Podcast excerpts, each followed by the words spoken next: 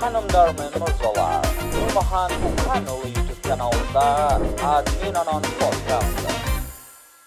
Бұл нұрмұхан мұханұлы ютуб каналы админ анон подкасты және бүгінгі біздің подкасттың спикері кәсіби коуч роза шірбаева Ә, қош келіпсіз роза ханым. Ә, сіз жаңа мынау профиліңізде ә, voice of kazakh women деп жазып қойғансыз. Яғни қазақ әйелдерінің үні. Иә. иә.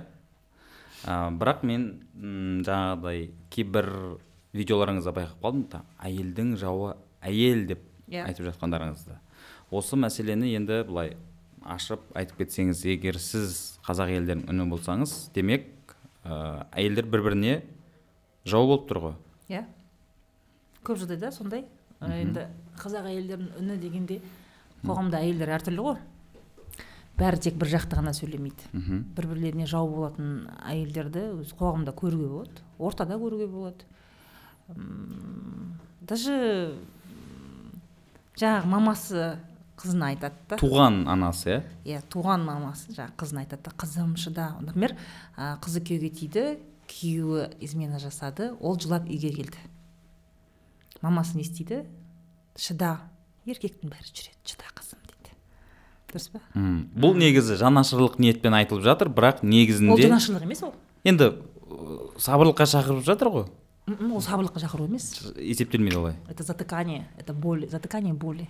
Ол жерде ол түсініп тұрған жоқ қой ол қызының ыыы жан айқайын оның қиналып тұрғанын түсініп тұрған жоқ. Лишь бы шум шықпаса болды ажыраспаса екен. Ол жерде ол тек өзін ойлап тұр. Қызды ойлап тұрған жоқ. Масқара боламыз. Мхм.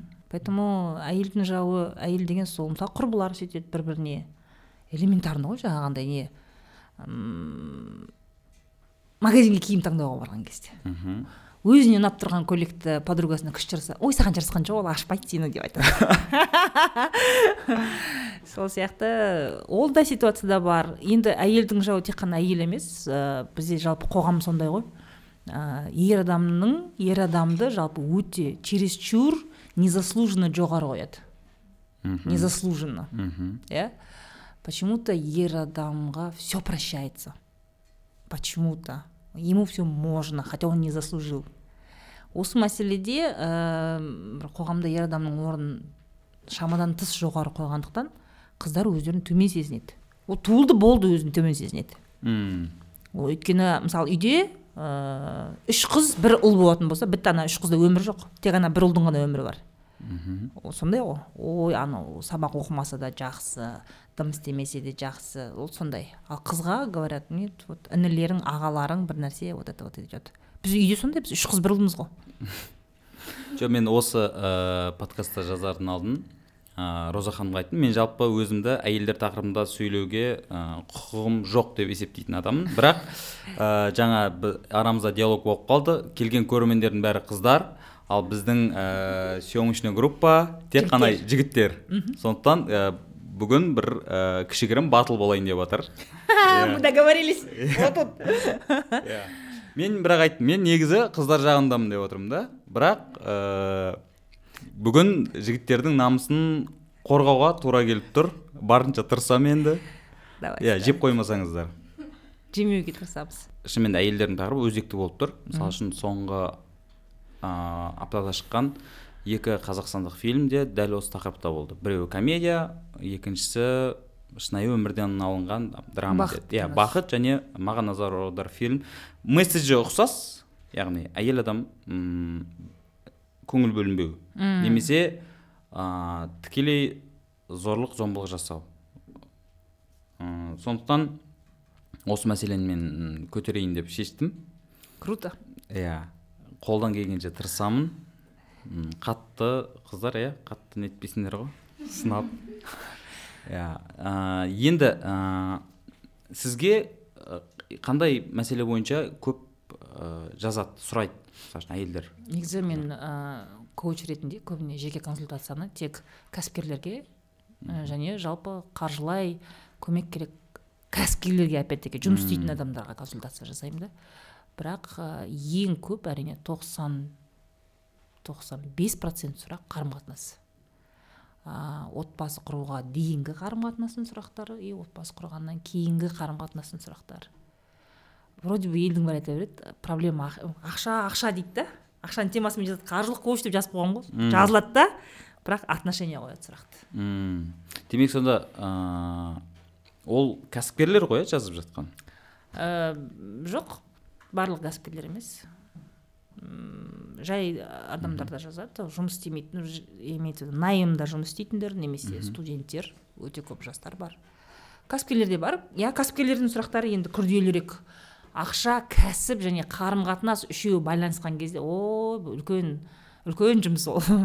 Сондай мәселелерде ә, қазір бірақ уже консультация алмаймын уже ауыр жұмыс болып кетті олар. Ал қарым қатынас мәселесінде қандай ö, мәселе өзекті болып тұр? Сіз білесіз ба қарым қатынас мәселесінде мен жеке консультация алмаймын жеке не бермеймін. Былай отырып сен былай жаса сен енеңмен былай сөйлес сен жігітіңмен былай сөйлес деген сияқты ондай ақпарат бермеймін. Оны мен көбіне жаңағыдай түнгі шайда айтамын. Мхм. Сол жерде сұрақ қойыңдар айтып берейін деп ше. А так ә, кәсіби түрде мен онымен айналыспаймын. Бірақ запрос көп та. Келген аудиториям бәрі сұрайды соны. Сол не сұрап жатыр енді олар? Ә, махаббат қой сол. Махаббат. Махаббаттың жері ә, жігітім мені жақсы көретін жақсы көрмейтінін қалай білсем болады. Тағы не енді ер азаматтардан сұрақ келеді бірақ көбіне уже отбасылы ер азаматтар. Уже әбден жанына батып кеткен кезде жазады да олар. Жігіттер жазбайды.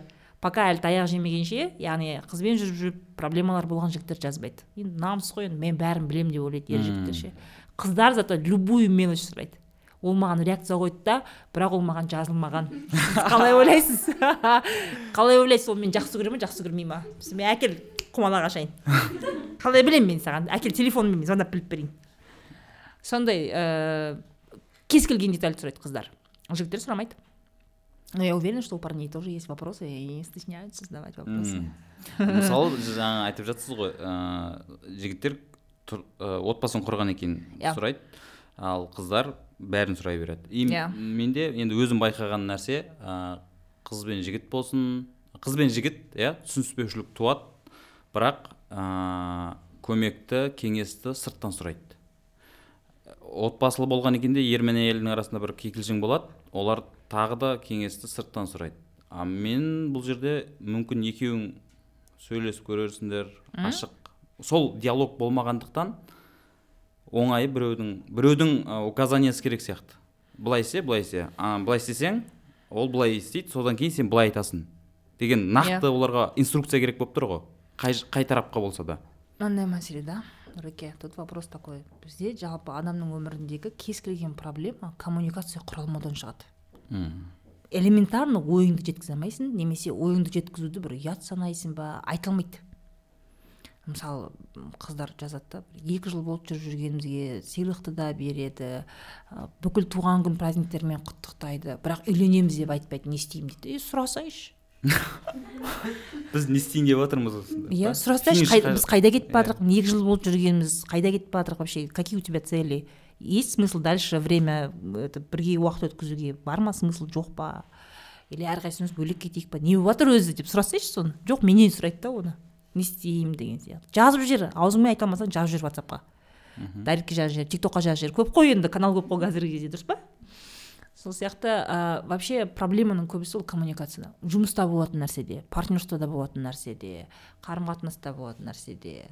Сауда істесең де ол бәрі коммуникация. Иә тіл табыса алу сөйлей алу. Осы нәрседен жалпы бізде қоғам қатты құрып отыр ғой. Өйткені үйдегі тәрбие мынандай аузың жап сөйлеме қарсы келме қарсы келме иә бала кезден солай. Сосын мектепте де отыз бала сөйлеп те үлгермейді ғой мысалы үшін бір класста. Кім сабақ айтады деген бәрі тығылады. Сөйтеді да бүйтіп журнал көп болса бір бес бала сөйлейді бір класста. Қалғандарының бәрі жиырма бес үндемей он бір класс бойы үндемей өтеді. Навык говорения жоқ та.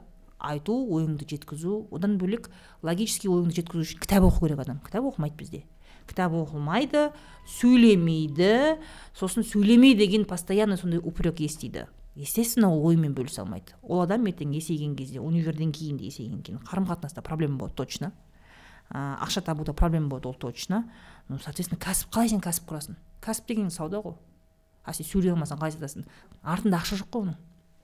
Аты бар бірақ ақша жоқ.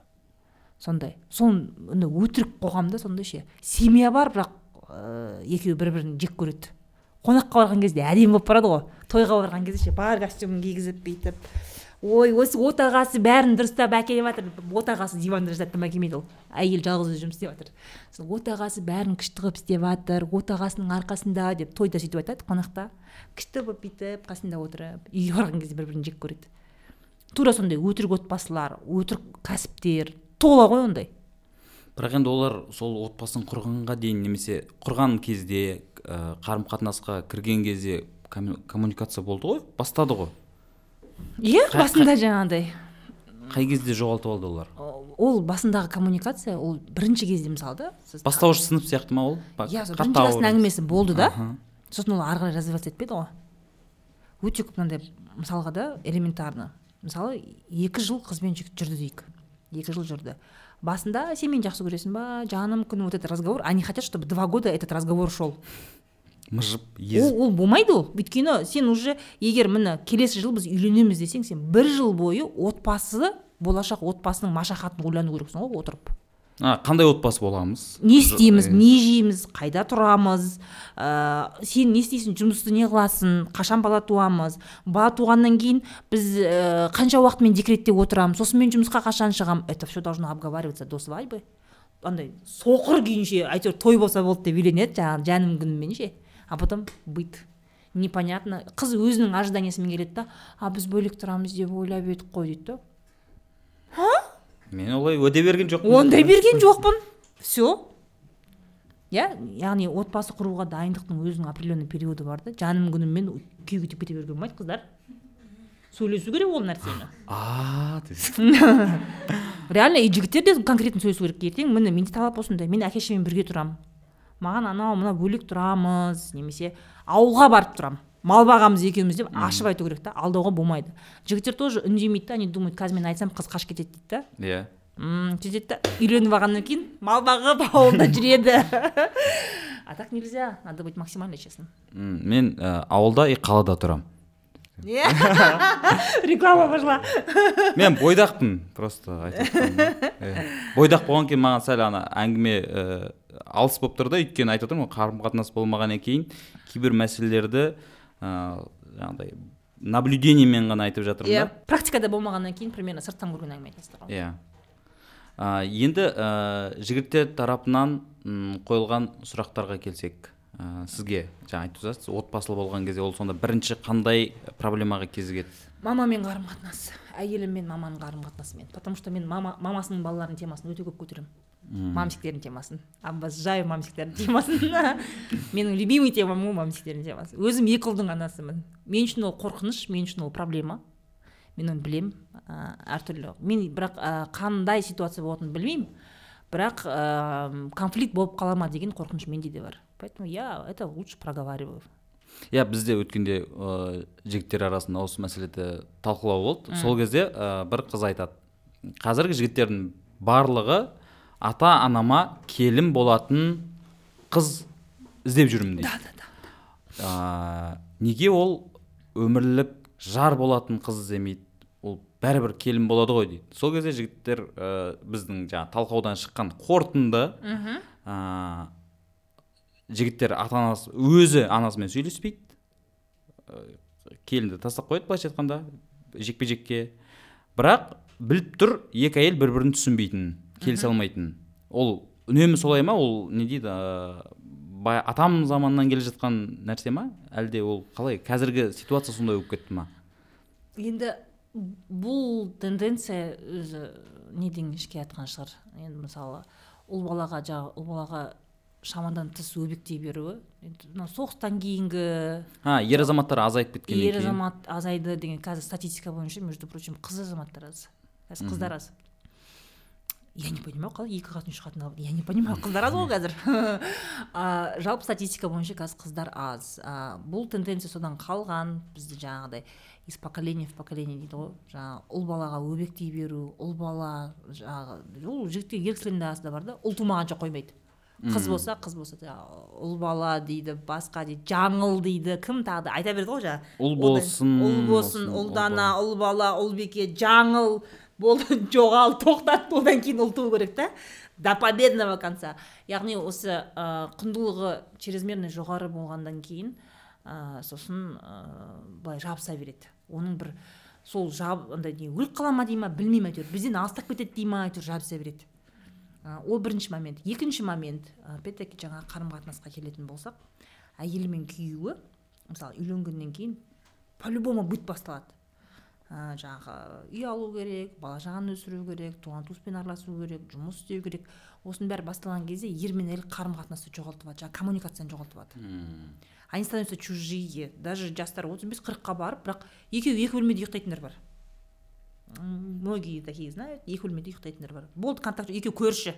Просто хорошие соседи в одном доме живут. Сожители. Сожители бірге квартира снимать етеді просто. Сондай бірге квартира снимать- сондай отбасылар өте көп и сондай кезде әрине контактыны коммуникацияны особенно әйел адам көп іздейді ер кісілерге оңай деп те айта алмаймын кісілерге қиын ғой. Олар тек телевизормен сөйлеседі немесе ютубпен сөйлеседі да. Колеса кезеді. Колеса кезеді. Сол соның ішіне кіріп мен сондай көкелерді сондай ағаларды неде цондарда банктерде көремін. Көп тұрады да мынандай телефон бар ғой мынау бет ашылатын сол бет ашылатын телефонға бақыртып наушниксіз ютуб қарап отырады бәсе деген сондай каналдарды көреді анау ше жаңағы жаңағы оппозицияны өтірік оппозиция каналдарды қарап отырады сондай көкелерді көп көремін вот у них нету личной жизни я вам скажу жоқ оларда ыыы әйел адам как то вот жаңағыдай әйтеуір бала шағасына жармасады келінді тәрбиелегісі келеді жөндейді жаңағы шұқып она чем то себя занимает немереге жабысады да. А бұның бәрі жаңағы әйел мен күйеудің ортасындағы сол орта жасқа келген кезде қарым қатынастың болмауынан туындайды. Сөйтеді олар балаларының өміріне кірісе береді. Мм. басында не үшін үйленеді өзі? Адамдар сүйіп үйленесіңдер ғой мысалы үшін да по любви же женятся все да? А куда эта любовь денется? Не істейді соны мен түсінбеймін. А, мен енді айтып отырмын ғой қарым Иә. қатынаста жоқ. Мен естимін ә, екі айдан кейін дос болып кетесің дейді. Иә. Екі айдан кейін. Мен үшін аз мерзім да ол. Неге екі ақ ай деген. Ары қарай. Ну дос болып кетесің досың сияқты қарайсың. Родойың болып кетеді дейді. Онда тұрған не жаман? Оның несі жаман оның? Сосын жаңағыдай ғой ыыы сый құрмет бәрі қалады. Әшейін жаңағы бірге тұратын адам ретінде. Что в этом такого? Сонда жаңағыдай ойлайды да бізде мынандай бір обманчивый бір ожидание бар да. Үйленгеннен кейін де тура кинодағыдай болып жүреміз деп ше жаңағыдай бір бірімізге жаңағыдай. Келін жаққа отырасыз ба? На на на ондай жоқ қой. Все сен как мысалы ә, үйде өзің туысқандарыңмен тұрған сияқты тұрып кетесің. Просто андай ожидание болмау керек та біз вечно романтика болады деген сияқты. Сосын басталады бір біріңді шұқу жаңағы сен ұмытып кетіпсің бүгін білесің ба қай күн екенін? Қай күн десең баяғыда осындай бір кездескен күнімізге мынанша жыл болды деген сияқты осындай нәрсемен ше. Зачем друг друга морально насиловать? Зачем? Ол по любому болатын бір үйде тұрғаннан кейін сен бәрі туысқан болып кетесің что в этом такого? Наоборот хорошо же. Енді ә, көп әйел адамдар соған ә, риза болмай жатыр ғой. Өйткені жаңағы романтиканы жиі болғанын қалайды. Бір біріңе завтрак дайындап иә. қайырлы таң жаным деп иә. И кезіндегі ә, жаңағы үйленгенге дейінгі өмірмен бірден контраст резк Иә, өзгеріп кетеді. Оған мүмк- дайын емес. Ожидание көп. Иә. Дайын емес емес өзіңді морально дайындасаң ондай фактің болатынын білсең спокойно можно пережить. Өмір ғой. Бір, бір ә, мысалы даже скажем так бір подругаңмен квартира снимать етсең де уже туысқан болып кетесің ғой. Тура сол сияқты ғой. Екеуің бірге тұрғаннан кейін туысқан болып кетесіңдер по любому это наоборот жақсы емес па? Проблема бірге шешуге бір біріңе ә, больше сенім артуға көбірек ашылуға. Наоборот жақсы емес пе? Иә ашылып сөйлесуге көп мәселені ашық талқылауға э, негізі Иә. жақсы Өте мүмкіндік. Өйткені барьер жоғалды жаңағыдай Иә, бір біріне иә. ұялып әдемі болып отыру шайнаңдамай жеу деген сияқты. Иә жаңағыдай. Демек сондай мәселе талқыланбайтын болып тұр ғой. Мүмкін сол барьер кетті бірақ жаңағы ожидание көп болғандықтан ол мына нәрсені соққы ретінде қабылдайды да. Қыздарда иә ожидание иә. сонымен ашық әңгіме жоқ ренжу бұртиып. Иә. Е, бірақ енді артқа қайта алмайды. Өйткені ұят болады. Сөйлесу керек қой. Артқа қайтқанда енді тастап кете салу оңай бірақ мен ойлаймын сөйлесіп көп нәрсені шешуге болады. Мен осындай қылып түсініп қалыппын негізі сен қалай ойлайсың деген сияқты ше болады ғой сөйлесуге. Бір бірін тыңдай білу керек та айттым ғой жаңағыдай коммуникация айтпайды ішінде сайрап жатыр. Қыздың да жігіттің де ішінде претензиялары бар өзінің мнениесі бар айтқысы келген ойы бар бірақ айтпайды оны. Сөйтеді да жарылып жүреді іштей бомба атылып. Андай ғой мысалы рогатка атқан кезде ше. Созасың ғой резинг созасың созасың созасың. Ана шыдап жетіп бір жіберіп қалған кезде екеуі. Қырғын төбелесіп қалады ғой нажып береді ғой. Өйткені жиналып жиналып жиналып Иә. жабылады. Иә. Иә. Енді бірақ ыыы жаңағы наблюдениеден айтарым қосарым айтатындар бар әйелдер тарапынан. Бірақ жігіттер оны құнсыздандырады ғой. Ой Иә. қойшы болмайтын нәрсеге сенде деген. осы деп иә. Болмайтын қайдағы әңгіме тауып аласың сама обиделась сама поплакала. ә, демек ол жерде бір не дейді бір жолын табу керек шығар. Ә, енді ә, ер кісілер өте эмоцияға жоқ адам. Эмоцияға жоқ сосын ә, эмоция положительный эмоцияға. Иә. Ол- өйткені агрессия бар. Енді агрессия неден шығады? Агрессия өзіңнің положительный эмоцияларын ұзақ уақыт шығармағаннан шығады ол. Осы ол да жиналып жиналып жаңағы атылады да. Шыдам жетпейді.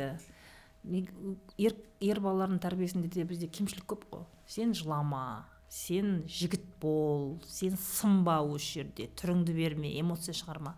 Ол да дұрыс емес. Коммуникацияға бұл өте қатты өзінің кері әсерін тигізеді. Ол сөйлесу керек қой. Адам мен адам бір бірімен эмоционально үйленгеннен кейін эмоционально ашылуға болады айтуға болады жігітке айтуға болады. Иә мен осы жерде қаймық қалдым. Қорқамын мен. Мамама бірдеңе айтуға қорқамын деп. Айтшы шыныңды. Сөйтіп айта салу керек қой болды ғой. Ол да түсінеді ғой.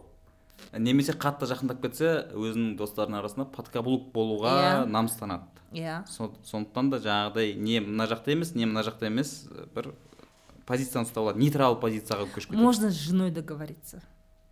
Давай үйде мен. Иә мен Мынандай. жаңағыдай давай мен достарымның ортасында герой болып жүремін да сен иә иә дей сал сосын сосын екеуміз үйде деген сияқты. Иә и так тойға маска киіп бара жатырмыз. М, то есть можно договориться. М, а ол жерде көп әйелдер түсінбей қалды да, үйде нормально еді жаңағы достарының алдына барған кезде не қылып, ауыстырғандай болып қалды деген просто договорись. Мхм. мен сөйтіп сондай образ ойнаймын сен кішкене подыграй дейді болды ғой айтсаң болды ғой дейді ғой все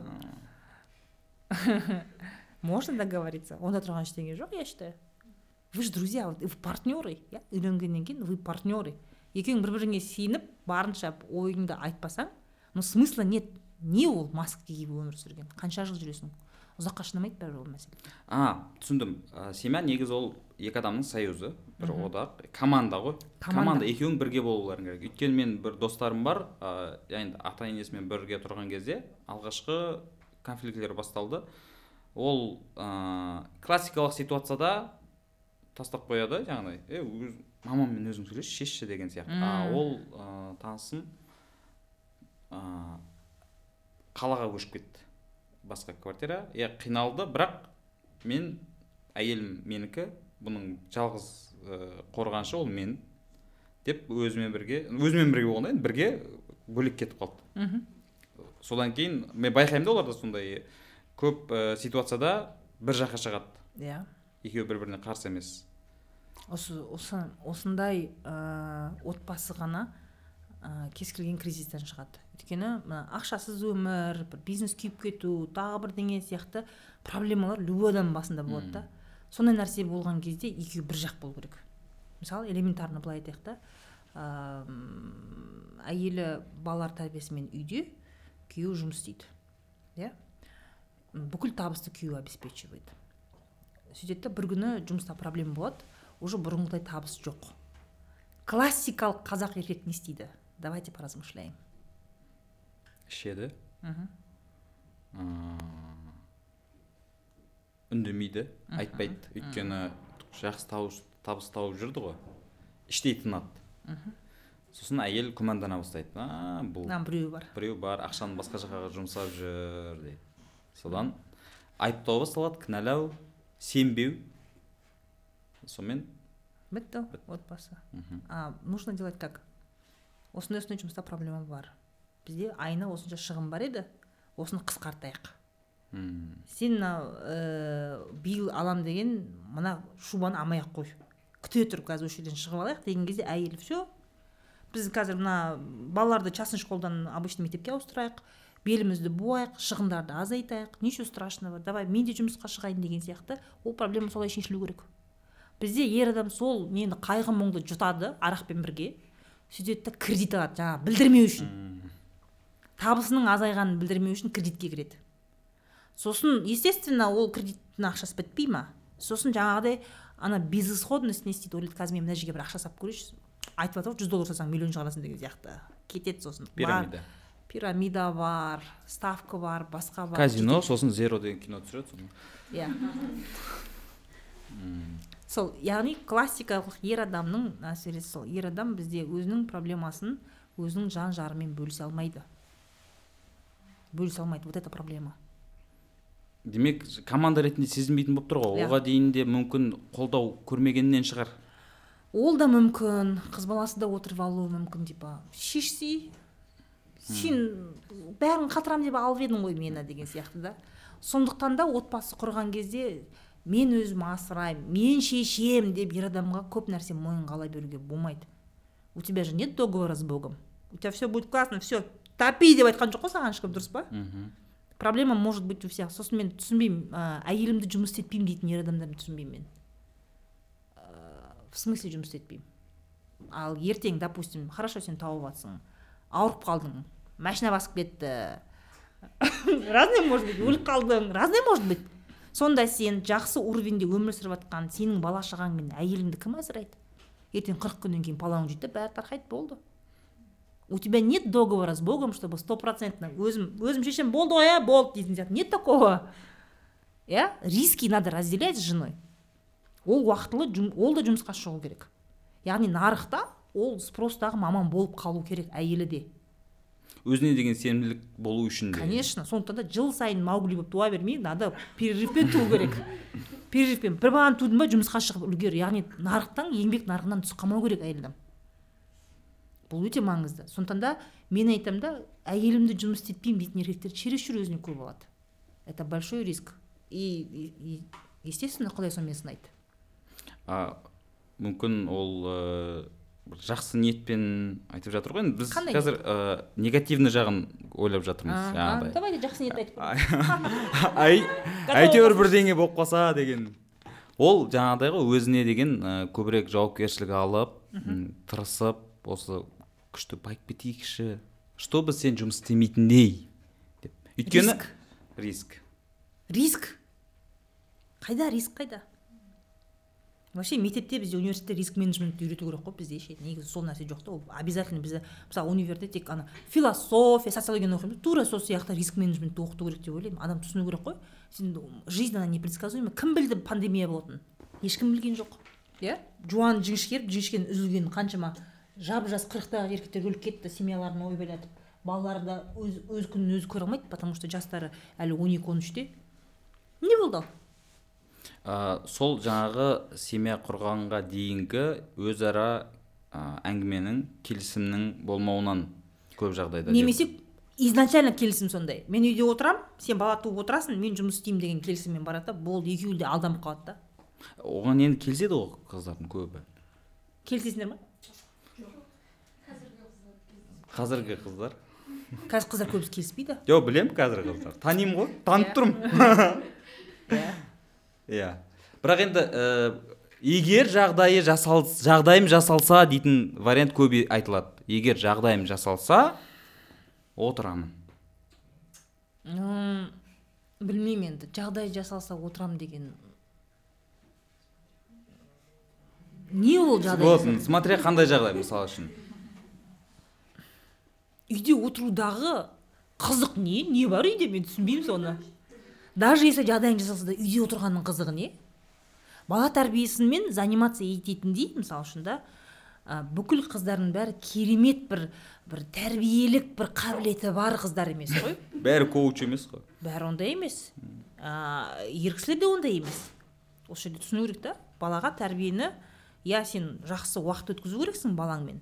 Бірақ оның сабағын оқытуға сен шамаң келмей ма күнде жаңағыдай топас қарамайсың ба өзің сияқты әлихан беске оқиды деген әңгімемен сабақ оқытпай ақ қойыңдаршы. Мысалы үшін да ә, сабақ оқыта алмайсың ба шамаң келмей ма репетитор ал. Ақша ма? Ақша. Иә? Тіл үйрете алмайсың сен ағылшын тілін білмейсің. Тілге бер спортқа бер. Болды ғой баланың өзі целый день занят кешке бірақ келеді. Не бар үйде отқанда? Не бар? Енді былай жалпы былай айтылады ғой ә, отбасыны қамтамасыз ету ол ер адамның мойнында жауапкершілік ер адамның мойнында күшті иә? Иә. Со- содан кейін ә, жігіттердің бәрі иә егер жауапкершілік маған жүктеліп жатса жарайды мен енді аламын көтеремін асыраймын деген сияқты. Жағдайыңды жасаймын деп. Жігіттердің көбісі осымен не согласен білесіздер ба іштей ма? Иә. А че я? дейді да маған жауапкершілік артық қойды жоқ мысалы да байғұс жігіт не істейді? Мысалы енді үйлен мысалы енді міне оқу бітірді өзін тауып бір жұмыс істеу керек қой. Сразу мына жерде мініп алады әке шешесі қашан қатына келесің қашан қатына келесің қашан үйленесің қашан үйленесің дейді да. И у него стоит две задачи. Үйлену. Үйлену и өзінің отбасын асырау еще әкесін әке шешесін асырау. Ол әлі өзіне ақша тапқан жоқ. Бірақ уже әйеліне обязан и әке шешесіне обязан. Қай жаққа жыртылады ол байғұс жігіт. Вот это вот ә, бұл жерде ата анасы и қыз баласы должны вот это отвязаться от него. В каком плане? Ата анасы ә, ер жігітке оны жіберу керек. Ал байлап алмай оны ше. Ол өзінің определенный период ақшасын тауып өз басын өзінің қараған басын қамтамасыз етіп үйрену керек. Закрывать свои бытовые проблемы и финансовые проблемы должен уметь сам до женитьбы еще. Үйленбей тұрып мхм сөйтіп ол уже а міне мен мынаны істесем ақша табады екенмін деген понимание оның басында болу керек та. Содан кейін барып ол отбасы құрған кезде әйелімен жаңағыдай рискті елуге елу бөледі. Сөйтіп үйлі болады одан кейін барып ата анасына көмектеседі. Ата анасы осы уақытқа дейін не қара- қай қарап жүр ма? Табу керек қой өзі де. Қазір мына үйлене салып мысалы баласы үйленсін университет бітірген жоқ. Мен сені оқыттым шоқыттым кәне ақшаң қайда? Давай сюда. Мен не үшін тудым сені? Мен сені не үшін тудым? Иә. вот это потребительское отношение. Оны біз түсіндіре алмаймыз ғой ата анаға иә түсіндіре алмайсың. Иә. поэтому нужно с ними правильно разговаривать. Бәрі жақсы болады. Қатырамын дейсің да ана жақта жұмыс істеп жүре бересің. Ата анаға қарсы шығуға болмайды. Иә. бірақ оларға мен сендер жақсаруға міндетті емеспін деген әңгіме айтуға болмайды. Болмай жатыр. Қазір жұмыстамын дейсің де жағдайыңды жасай бересің. Ситуацияны түсіндіресің жалпы иә? Мм. жағдайыңды жасайсың. Әйеліңмен рискті бөлісесің. Нормально өздерің аяққа тұрып алған кезде этот не уже можно помочь. Негізі адам өзінің базовый қажеттілігін жаппай басқа біреуге көмектесе алмайды. Басқа біреуге көмектесу ол роскошь. Иә? Мысалы үшін ә, студент иә жаңағы проездноймен жүретін или метромен жүретін студент. айфон алса роскошь па? Иә. Роскошь иә айфон алса иә өзінен өзі. зачем сен студентсің біразы роскошь та қазір бізде. Иә сол ғой. Енді мысалға да көріп тұрмын иә ата анаға көмектесу бауырларыңа көмектесу деген нәрсе ол өзіңнің қарныңнан қарның тойдырғаннан кейінгі ол роскошь өзіңде жоқ тақыр кедейсің да тапқан ақшаңды жаңа таратып беру это ненормально. Ол жаңағы сіз айтқан жаңа айттым ғой ыыы күйеуіне бір жағдай болып қалғандағы негативный ситуация дәл осы ситуацияға да келеді ғой. Яғни ә, сен отбасың жалпы әулеттің асыраушысы едің. Өйткені саған сондай ярлық жүк жауапкершілік жүктеп қойды иә. Сосын саған бірдеңе болып қалды ертең. Бірақ сен жағдайыңды жасамағансың. Ә, мына жаққа көмектесіп жүрдің. Иә. И бір күні жаңа басыңа бір ауыр іс түсті да болмай қалды. И мына жақта асыраушысыз қалды. И сен өзің семьяңда Иә. сосын жағдай жасалмаған иә. Иә. Сол үшін де ол да опять таки распределение рисков. Ол сондай өмірде сондай көп жағдай осы келеңсіз жағдайлар. Неден болады? Осы түсініспек адамдар бір бірімен түсініспегендіктен әйтеуір азғантай ақша тапса да сол проблеманы ақшамен жапқысы келеді. Мысалы ер азамат әке шешесімен қарым қатынасы дұрыс емес онымен сөйлеспейді бірақ ойлайды да қазір мына бір мынандай ақша берсем не істесем ол жақсы болып кетеді қарым қатынас деп ойлайды. Ондай болмайды ол. Сперва нужно отношения выстраивать а потом уже подарки дарить. И жаңа айтқанымдай пока сен өзіңнің қара басыңды тойдырмай қалған расходтарың бар біреуді жарылқау это роскошь считается. Енді ол ыыы жо қара басын өзінің жағдайы жасалды деген қа- қай ситуа қай деңгейде ол мысалы үшін? Ә, тұратын жері тұрақты. Мхм. түсінікті тұрақты жері бар.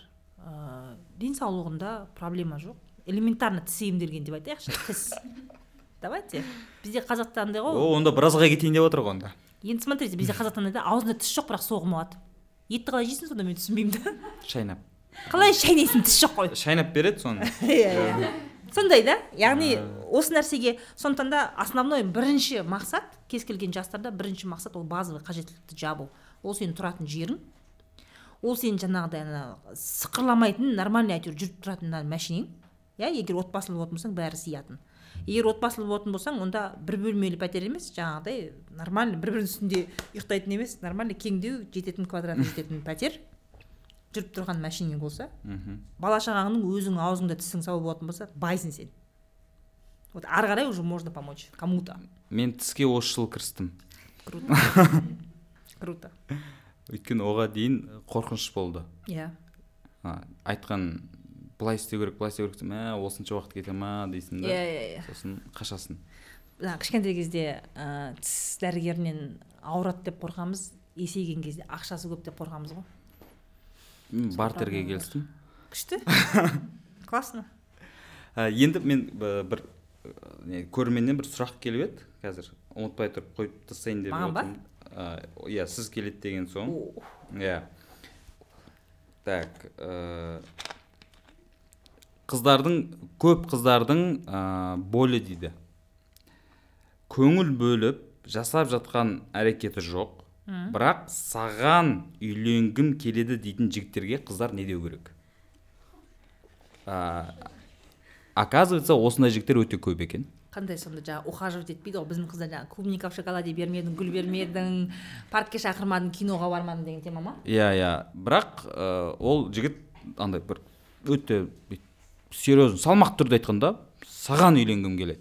Но пока без всяких қыдырмаймыз этих». деп па? Иә. Жоқ ондай меркантильный жігіттер бар короче мен саған инвестиция салмаймын пока не пойму что я на тебе иә иә иә ондай да әңгіме саған инвестиция салмаймын деген мен мен қалай ол мен сенімді емеспін ғой оған. Ну жмот значит что вообще қызбен ә, жігіт жүрген кезде ә, екеуміздің жүргеніміз обязательно отбасы құруға барып тірелу керек деген нәрсе дұрыс емес қыз жақтан да ол жақтан да. Онда жүрмей да сразу көзіңе көрінгенді ала сал если прям такие риски мен ақша шашпаймын қазір ресторанға кафеге киноға десең ше. Қарым қатынас мен ойлаймын да мысалы мен өзімнің бывший жігітімді күйеуім бывший жігітімді айтамын күйеуім бывший жігітім ғой біз төрт жыл жүргенбіз. Мы не знали что мы поженимся. А да? Да. Сол сол получается мен сол он сегіз жасында екеуміз жүріп қалған кезде екеуміз үйленеміз деген жоқ онда мы просто хорошо проводили время. Араластық сыйластық қыдырдық бір жүрдік. Ұрысып қаласың арасында. Но факт то что біз осы міне бүгіннен бастап екеуміз жүреміз да сосын үйленеміз деген нәрсе болған жоқ. И мы просто кайфовали иә әркім өзі тапқанын ә, ортаға салып бірге қыдыратынбыз ақша жинап бөлек қыдыратынбыз. Но факт то что андай не жоқ та. Ол жерде енді мысалы мен ол қызбен жүргім келмейді кафе ресторанға ақша шашқым келмейді. Ертең ол менің әйелім болмаса деген нәрсе болатын болса онда вообще қызбен жүрудің қажеті жоқ. Просто көр да ала сал соған келісетін қыз болса. Ну смысл? Ә, жалпы жаңағы ә, көңіл бөлу деген ол ә, тек қана сыйлықтарға келіп тіреле ма білмеймін көңіл бөлу деген не қыздар сендер айтыңдаршы.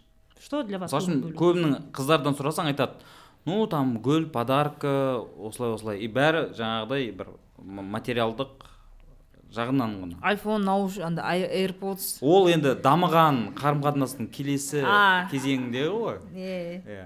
Не ол көңіл бөлу айтыңдаршы қыздар иә өздерің айтыңдаршы. бастапқы кезінде не болу керек? Давайте раскрывать көңіл бөлу деген темада. М, внимание деген не? Маған бүйтіп детально айтып беріңдерші. Иә. Иә?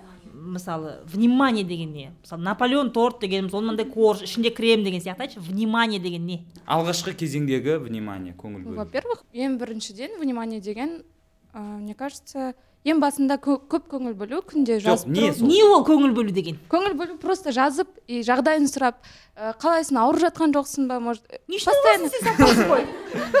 жоқ постоянно жазып тұру деймін. Ең басында жоқ болып кетіп мысалы ә, андай адамдар бар ғой бір аптада бір жоқ болып кетеді да сосын толтырып жазып тастайды да қайтадан жоқ кетеді сондай адамдар бар да. Олай емес. Менде ә, сол хит сұрақ қой мен сол андай не эфирде ше. Жазып жүрген жігіт жоқ болып кетеді. Не істеймін деген сияқты да? Мен мысалы үшін жа- ә, жазуды көңіл бөлу деп есептемеймін. Ол меніңше андай алғашқы былай таныс білістік сияқты да былай. Енді ең бірінші деген соң соны айтып жатқан ғой ең бірінші танысып яғни көңіл бөлу сенің ойыңда это систематично писать сообщение. Дұрыс па? Нет ну қашанға дейін ол? Қашанға дейін болғанда бастап ватсапта телеграмда автоботта солар жазып қояды тексттарды ше определенный уақытта жіберіп тұрады да. Жігіттер сендерге лайфхак. Жоқ бастапқы жіберіп отырмын да. бастапқы үш күнінде тайминг қойып иә тайминг. Примерно кешке мына уақытта. Қалайсың? Ауырып қалған жоқсың ба? И таңертең ондай нәрсе бастапқы үш ақ күнінде жүреді. Одан кейін барып үш ақ күн. иә үш ақ күн. Жігіттер. үш күн жазамыз. Үш күн жазасыз сосын бір жаққа шығып может ы, енді танысып жатыр ғой мен бастапқы кезеңін айтып жатырмын ең басын айтып жатырмын. Танысты сосын ы, үш күндей может сөйлесті ы, басында сөйтіп сөйлесіп жүреді сосын барып кафеге бір жерге шақырады ну нормальный жерге. Ы, и тамақ ішіп танысып қайтады сосын ұнап жатса ары қарай ухаживать ете береді деп ойлаймын. Сен өзің жазбайсың ба сонда? Ы, жазған кезде ответ беремін. Нет өзің бірінші жазбайсың ба? Ауырып қалмадың ба нет бастапқыда кеттің, болып жатса если жігіт ұнап жатса если жігіт ұнап жатса и ары қарай ә, уже нормальный екеніне көзім жетсе может мен де жазамын мен де оның жағдайын сұраймын солай. Осы жерде ключевой момент бар да қыздар? Сендер бір, бір, бір момент күтесіңдер да білмеймін бір можно целоваться после третьего свидания деген сияқты да бір, бір үш күн жазғаннан кейін барып мен жазамын деген сияқты. Басында ұнады ма? Жаза берсей? А нақты бір өздерінің ә, Басында ұнау үшін де. формуласы бар. Сол сонымен ғана жүреді қыздар. енді мысалы үш күндей ол жазсын сосын барып мен жазамын оған дейді да. егер нормальный жігіт болса. Да. Иә. Ол Но- нормальный жігіт екенін білу үшін бірінші сөйлесу жоқ саған түрі ұнады ғой сөйлескен кезде басында. Ұнады ғой. Ол жаза берсей иә жаза беремін ондай проблема жоқ. Дайректіңді аш запростаған жауап беріңіз нет а, ондай не жоқ та мысалы просто сөйлесуде. Просто сөйлесуде ой алмасуда а, бір бір біріңнің ойыңды білуде тұрған ештеңе жоқ қой. Ол жерде заңдылық жоқ ешқандай. Дәл қазір кездесіп сен жабысып қал деп жатқан жоқ қой сендерге дұрыс па? А мен түсіндім. Бұл жерде қыздарда мынандай позиция болып тұр ғой. Егер мен қазір жауап берсем өзім бірінші жазып қойсам значит мен беріліп қойдым мен. Мен жаңағыдай ғой Иә, ұнайтынын білдіріп қойдым сездіріп айта қойдым. бер. Да нормально ты мне понравился. Что там что там такого? Я не знаю мен мен өзім қыздардың бәрі қорқатын сияқты да кейін мысалы ажырасып кет ой то есть айырылысып кетіп жатса ә, айтатын сияқты да сен бірінші жазған едің ғой деген сияқты. Андай намысы жібермейді бірінші жазуға айырылысып кеткеннен кейін ол маңызды болмай қалатын шығар. Білмеймін. Бірінші я жазған. жаздым сен өзің бір жаздың жаздым иә? Я же не знаю что такое говно деп айтасың ғой болды ғой Всё, бірінші. қыздар вы че ұялмаңдар жігіттер вы тоже пишите мен мен түсінбеймін вот, қазір если я вспоминаю господи мы женаты уже 21 год вместе. Біз жиырма бір жыл болды күйеуімізбен біргеміз да? Нормально да? Полет нормально полет нормально біз жүретін кезде ол кезде смстер смстер платно. А сол заманнан? Біз ана мен интернет жоқ заманда өмір сүргенмін смс жетпіс теңге кезде иә сол кезде ақша бер жағын көргенмін иә иә сол сотовый сотовыйды тек әдемілік үшін ұстайсың онымен сөйлесе алмайсың ол ақша ол. Иә мына мынау мына жер. біз бүйтіп мойнымызға алып жүретінбіз. Сондай заманда и сен домашний телефонға байланған тыныштық бермейсің ғой телефонға.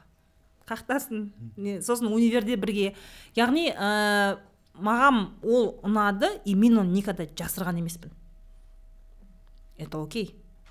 Даже если э, был момент когда мы поругались бол жүрмейміз деген кезде да я ни о чем не жалела. Мынандай мәселе да мына қорқыныш қызда да жігітте де да. Ертең өкініп қалу сол эмоцияны бергеннен сол сөзді басады. да соны сөйлегеннен соны айтқаннан сол ақшаны құртқанға өкініп қалу да. Живем один раз қашанға дейін жүресіңдер. Мен естім енді жігіттер тарапынан. Егер екеуі сөйлеспей кетсе демек қыз бүкіл подарканы қайтару керек. Қымбаттарын. Грустно. Жар- жарайды қымбаттарын. грустно конечно. Бірақ ол мәселе мынандай да. Ол инвестиция ретінде қарады да ол жігіт ше иә осы мәселе дұрыс емес та. Яғни сен ә, уақыт өткізесің ба? Бірінші дос болғанның өзінде жүріп жүргенде дос болған кезде уақыт өткіздің ба? Болды. Удовольствие сол моментте ғой. Сөйлескен кезде бірге кино көрген кезде бірге серуендеп жүрген кезде бірге мороженое жеген кезде. Сол удовольствие ол момент ол өтті кетті болды. А вот ә, бекер сол кезде айттым өкінемін деген мәселе ол. Сол кезде күшті болды ғой иә? Даже если кетсең де тогда же было классно есть что вспомнить правильно? Ну и все біз мынандай да все хотят андай идеальный бір жол жүргісі келеді да үйленгенге дейін біз екеуміз ровно бүйтіп жүрдік та ешкіммен қырылыспай сөйтіп барды да үйленіп кеттік деген сияқты но так в жизни не бывает же. Ол ыыы үйтетін болсаң онда өмір сүрмейсің вот определенный бір рамкада жүресің да. Қорқып эмоция шығаруға қорқып сөйлесуге қорқып қарым қатынастан қорқып ну не знаю. Нұрмахан мұқанұлы ютуб каналында админ подкасты продвинутый қыздар бар да гендерлік теңдікті қалайтын жаңағыдай ә, біз қоғамның жаңағыдай сендер мені сен сексизм көрсетіп жатрсың сен сен менің құқығымды таптап жатрсың дейді бірақ бірақ жаңағыдай ә, есіктен кірген кезде есікті ашып бер дейді да. Или ресторанда счет төле дейді. Ты не мына жаққа шық не мына жаққа шық иә? Гендерный құқық сұрап отырсың ба? Счетты өзің төле. Өзің жеген тамағыңды өзің төле. Иә? Яғни сен теңдікті қалайсың ба? Тең бол. Ал если ты хочешь вот это вот мен сумочкамды көтеріп жүрші менің алдымда есік ашшы менің кафеде счетымды төлеші болса онда извини тек гендерлік құқық сұрама онда осы мәселе да жаңағыдай гендерлік теңдік жаңағы мен тең қоғам сен үйтпе бүйтпе деген әңгіме пожалуйста не пользуйся вот этими благами. Этими жаңағыдай сексистердің беретін благами не пользуйся реально? Жаңағыдай сумочкамды көтер ана автобуста орын бер деген нәрсені. Сен вроде бы теңдікті же хочешь. Стой как все мужики. Тұр. Ұстап алып. Өзіне ыңғайлы жағын ғана алғысы келеді. Ә, да, это, не работает. Так нельзя делать. Төле өзің счетыңды. Өзінің құқығын айтады да бірақ жігіт төлесін да. Ішкен кофені. Офигели. Үйтпейміз қыздар. Екі сөйлемеңдер. Енді жаңа әңгімеміздің бәрі жаңа ухаживаниеден басталды ғой. Иә. бұл жерде де гендерлік ә, мәселе мысалы үшін жігіт ухаживать ету керек. Иә. Нет не обязательно. Сосын мен жыным келетін нәрсе мысалы біз даже күйеуімізбен кафеге барамыз ғой да. Официант барады да счетты күйеуіме береді. Мен айтамын неғып маған бермейсіңдер деймін да. Неге? Вот қоғам сөйтіп не қылады да. Неге маған бермейді? Моя очередь платить біз кезек кезек шақырамыз да бір бірімізді ресторанға. Моя очередь платить барады күйеуіме береді да мысалы үшін. Ол қоғамда ол бүкіл қоғаммен сен не алмайсың ғой? М, тіресе алмайсың. Мгм. бірақ гендерлік құқық мәселесінде адамның өзіне байланысты мысалы қазір бар ғой сортировка мусора. Сортировка бүкіл қала сортировка мусора жасамайды бірақ өзің жасайсың ба до конца жаса да жаңағыдай упаковать та оны апаратын жерге апар ол да целый жұмыс сол сияқты ғой. Экосың ба? До конца до конца екі тұрып бер да Иә, соған ше. Бізде андай емес мен мына жерден нан аламын да сосын мен андай боламын емес та вот решили гендерлік құқық қалайсыңдар ма? Теңдік қалайсыңдар ма гендерлік? До конца барыңдар. Если нет онда болды. Сол сексистский заңға бағынып жүре беріңдер жыламаңдар бірақ. Просто жыламау керек та. О мындай мені бүйтті мені не істеді деген сияқты. Не пользуй либо пользуйся либо не пользуйся не былай жүр не былай жүр. Ухаживать етуге міндетті емес я же говорю же міндетті емес. Сыйлық беруге міндетті емес. Это все взаимное не болу керек қой уважение и желание болу керек. Егер жаңағы гендерлік теңдікті айтатын болсақ а если жаңағыдай ә, сексистский неге заңдарға бөлінемін десеңдер соған бағынамын десең пожалуйста. Ухаживать еткен күт отыр үйде бармайсың туысқандардың тойына десе бармайсың. Кәні не киейін деп жатсың көрсет сурет жібер жаңағыдай. Бар ондай жігіттер? Кимем мына киімді дейтін. Соған көніп жүр. Ну потом не қылмау керек та ты либо играешь в эту игру либо не играешь. Вот выбор за, за тобой всегда. И если играешь играй по правилам. По правилам до конца ойна все түсіндім енді жаңағы көңіл бөлмейтін бірақ үйленгісі келетін жігіттерге қыздар не деп жауап беру керек? Көңіл бөлмейді деген жаңағыдай ә, ухаживать еткісі келмей тұр қазір бірақ үйленетініне сенімді болып тұр. Енді ол жерде қыздың запросына байланысты да. Мгм. если для нее важно чтобы ухаживал то лучше с ним не встречаться. Енді әркім өзінің запросына қарай да. Или маған да не важно үйленсем болды десең тие бер. Мен не істеймін деген сұрақ жоқ та бұл жерде а ты чего хочешь мәселе сол жерде ты чего хочешь? Замуж хочешь? Да. Но ты хочешь чтобы за тобой ухаживали? Да. Онда не встречайся потому что он не будет ухаживать. Мынандай да ана ол квадратты круг қылғысы келеді да өзі айтып тұр жігіт нақты айтып тұр. Мен ақша құртпаймын сенімен қыдыруға қаңғымаймын сенімен только үйленемін деп тұр да? А у нее запрос какой? Я хочу чтобы ты ухаживал за мной а потом женился дейді да? Келмей тұр ғой екі болды не встречайся. Басқа тұрудың қажеті жоқ. Басқа түрдің қажеті жоқ. Қинап ол этот не жаңағыдай болмасам да ұқсап бақ қинап адамды зачем? Не получится. Өйткені ол қыздың көріп жүргені сондай қарым қатынастар ғой. Жаңағы ухаживание иә құрбыларына болсын ол күшті авторитет көтереді. Ғой ол сторис түсірген кезде ана гүлдермен ше. Контент. Күшті контент. Лайк ол ше. Қайсы? Жеңілтек қыздар ма? Жоқ ана жігітке ол запасной вариант па? А мен мына жақта басқа ухаживать етіп жүргенім бар бірақ үйленетін сен ба? Мен білмейді екенмін ондай жігіттер бар ма? И мен жігіттер тарапынан айтатын болсам ол вообще невыгодно ғой. Сен зачем біреуге ақша құртып жатрсың если мына жақта үйленетін адамың бар? Үйленетініңе сенімді. Жоқ ана қыз болмай қалса деген вариант. А болмай қалса біреу қазірден занимать етіп қойып жатыр да. Бронь ба? Иә. заранее бронь. Білмеймін ондай махинацияларды білмейді екенмін жігіттерде ондай махинация бар ондай бар ғой енді сендер айтып жатқан ондай бар иә. Болады ғой қыздар мысалға ә, үйленгісі келетінін айтып жатыр ғой қыз жігіттердің иә. Қыздар пысық деп айтады ә, әйел алуға сен лайықсың деген секілді. Жігіттердің көбісі солай. А, мысалға болады бөлінеді да олар. Жүретін қыз үйленетін қыз деген секілді. Я Иә, так иә. думаю не знаю. А вот үйленетін қызға олар солай а- алғысы келеді дайын қылып ал это не знаю не- неправильно наверное. Жаңағы қыздарды үйленетін қыз және жүретін қыз деп бөлетін жігіттермен жүрмеңдер. Все сразу когда у него одан ертең ол история бітпейді ол үйленгеннен кейін мынау бала туатын әйел мынау қыдыратын әйел деген басталады. Изначально ондай уже соның соңымен шет шықты ма до свидания ғой до свидания но если вас это устраивает пожалуйста. Мысалы андай әйелдер бар ғой. Менің ер азаматым менің мырзам отағасы сондай асыл азамат оған бір әйел де аздық қылады. Тоқалды өзім әперемін дейтін әйелдер бар да. Хорошо сен сондай боламын десең пожалуйста өзің әпер тоқалды ну такие отношения тоже есть. Оларды жоққа шығаруға болмайды бар ондай қарым қатынас ше. Бір әйел де аздық етеді. Өзім әперемін тоқалды да бәрін дейтіндер бар ғой. Такие тоже ондай тәтелер бар. Тоже имеют право. Жалпы ә, сіздің айтқаныңыздан түсінгенім егер қарым қатынаста қандай жұп болса да екеуінің арасында гармония болса үйлесім болса түсіністік болса иә. Екеуінің запросы бір бірімен сәйкес келу керек та.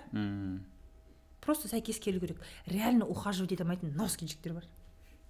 Вот они самые классные. Рахмет.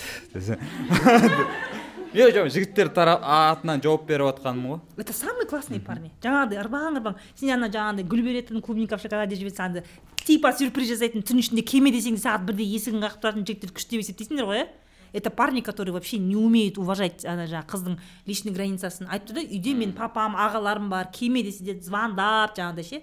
Өзінше гүл жіберіп он пытается везде. Сендер соны романтика көп қыздар соны романтика деп ойлайды. Это нару- это типичное нарушение границ. Иә мысалы келісім сыйластық. Я знаю очень много классных парней которые реально жаңағыдай қылтың сылтыңы жоқ та. Лишний раз ешкімге лайк қоймайды лишний раз. Ну, бірақ почему то қыздар соларды көрмейді. Они хорошо зарабатывают красавчики. Умные добрые. Реально? Бірақ қыздар почему то вот ондай жігіттердің қасында жүрмейді. Орыс қыздар жақсы көреді сондай жігіттерді бәле. Бәле ғой орыс қыздар ше сразу біледі ондайларды а біздің қазақ қыздар почему то жылтыраған жылтыраған жігіттерді жақсы көреді да жаңағыдай ше. Өзін көрсетіп қалған сөйлеп қалған. Зачем такие нужны? Артынан қуып жүрсін сосын. Сосын жаңағы ә, ухаживаниеға байланысты қазір менің ойымша жаңағы гүл сыйлау бір сыйлық беру ы, оңай сияқты. Дайын ба дайын сайттар бар ғой енді арнайы. Сол жерден таңдайсың Иә. курьер ар- арқылы жібере саласың. То есть сен қатты ойлаған бір душаны салып ондай жоқ. Яғни паркте барып өзің жинамайсың қолыңмен иә жоқ дәл да- даже гүл сататын жерге барып букетті так былай жасайық былай жасайық аха енді мынаны қосыңыз деген жоқ қой. Жоқ. Просто бір клик екі клик жарайды. Таңдадым мынандай да қыздар мына нәрсені түсіну керек та. Пожалуйста осыны айтып шаршаймын ше. Жігіт қызға сыйлық гүл клубника в шоколаде беруге міндетті емес. Ол сындыратын андай ход қой? Ол э, чисто уважение ол жігіттің өзінің желаниесі вот я хочу сделать тебе приятное. Вот ты мне нравишься как человек я хочу чтобы ты обрадовалась. Я хочу чтобы тебе приятно было дейді да? Өзі өз ықыласымен сені тықылықтамай сен дайректке жаңағыдай ә, жаңағыдай рилстар жібермейсің ғой. Андай намекающий рилстар жібермей өзі берсе вот это вот классно это самое лучшее. Это самое лучшее. Бірақ ол екеуінің арасында бір ә, жылы қарым қатынас болу керек шығар ол үшін. Өйткені былай да жібере беретіндер бар ғой. Сен иә енді кімнен екенін білмейтін қыздар бар ғой мысал үшін. Ой кімнен екен деп. Э, мысалы мынандай қыздардан мындай сұрақ келеді біз екеуміз жүріп жүрміз жүріп жүрген жігітпен не әңгіме айтамын деген сияқты. Вообще как должны протекать отношения до брака да когда ты встречаешься с парнем? Эм, общий интерес болу керек. Единомышленник иә общий интерес болу керек. А просто жаңағы бір бірлеріңді даже если допустим екеуіңде де ақша бар да екеуің бір бірлеріңді алдап жаңағыдай ана киноға бір барып ана кафеге бір барып құр андай не жоқ просто телефон шұқып лишь бы как бы жүрген сияқты жүрген сымақ болып жүргенің это смысл одан. Сөйлеспесеңдер мысалы сен кітап оқығанды жек көресің ба? Ол да біледі сен кітап оқығанды жек көретінін ше. Обсуждайте. То есть нужно говорить какие то вот андай өтірік мен ана кітапты оқыдым сен оқыдың ба? деген сияқты әңгіме не надо вот такие вещи говорить. Максимально честный болу керек та. Өз қызығушылығыңмен жаңағыдай мына киноны көрейік мынау кино жақсы ма? Сериал көрейік. Сен нетфликс қарайсың ба? Жоқ мен он бір евро төлегім келмейді ай сайын. А сен ұрланған көресің ба? Мен де ұрланған көремін давай ұрланғанын көреміз деген сияқты да. То есть какие то вот, вот надо вот открыто общаться не, не перестать вот это вот носить маски. Сол кезде это будут настоящие отношения. Шынайылыққа құрылған қарым қатынас ертең ә, отбасы құрған соң да ол ол сол қалады. Иә өзгеріп кетпейді. Анау ә, бізде де қыздарда мындай вселенский обман бар жігіттерде де бар. Ә, жүріп жүрген кезде ештеңе етпейді ертең үйленгеннен кейін өзін тәрбиелеп аламын дейтін. А иә. Қарым қатынас жүріп жүрген кезде қандай болады? Үйленгеннен кейін тура сол қарым қатынас болады. Если қыз баласы да жігіт те жүріп жүрген кезде үйленгенге дейін бір біріне жаңағы маска киіп жүрген болса ол үйленгеннен кейін тура сол болады. Она никак не меняется. Мысалы даже если мен өзімнің басым айтатын болсам маған сол екеуміз жүріп төрт жыл жүрдік па одан кейін үйлендік қой. Сол екі ортадағы отношениенің разницасы маған білінбейді. Біз жүріп жүрген кезде осындай едік қой сосын неге біз өзгеріп кеттік деген жоқ.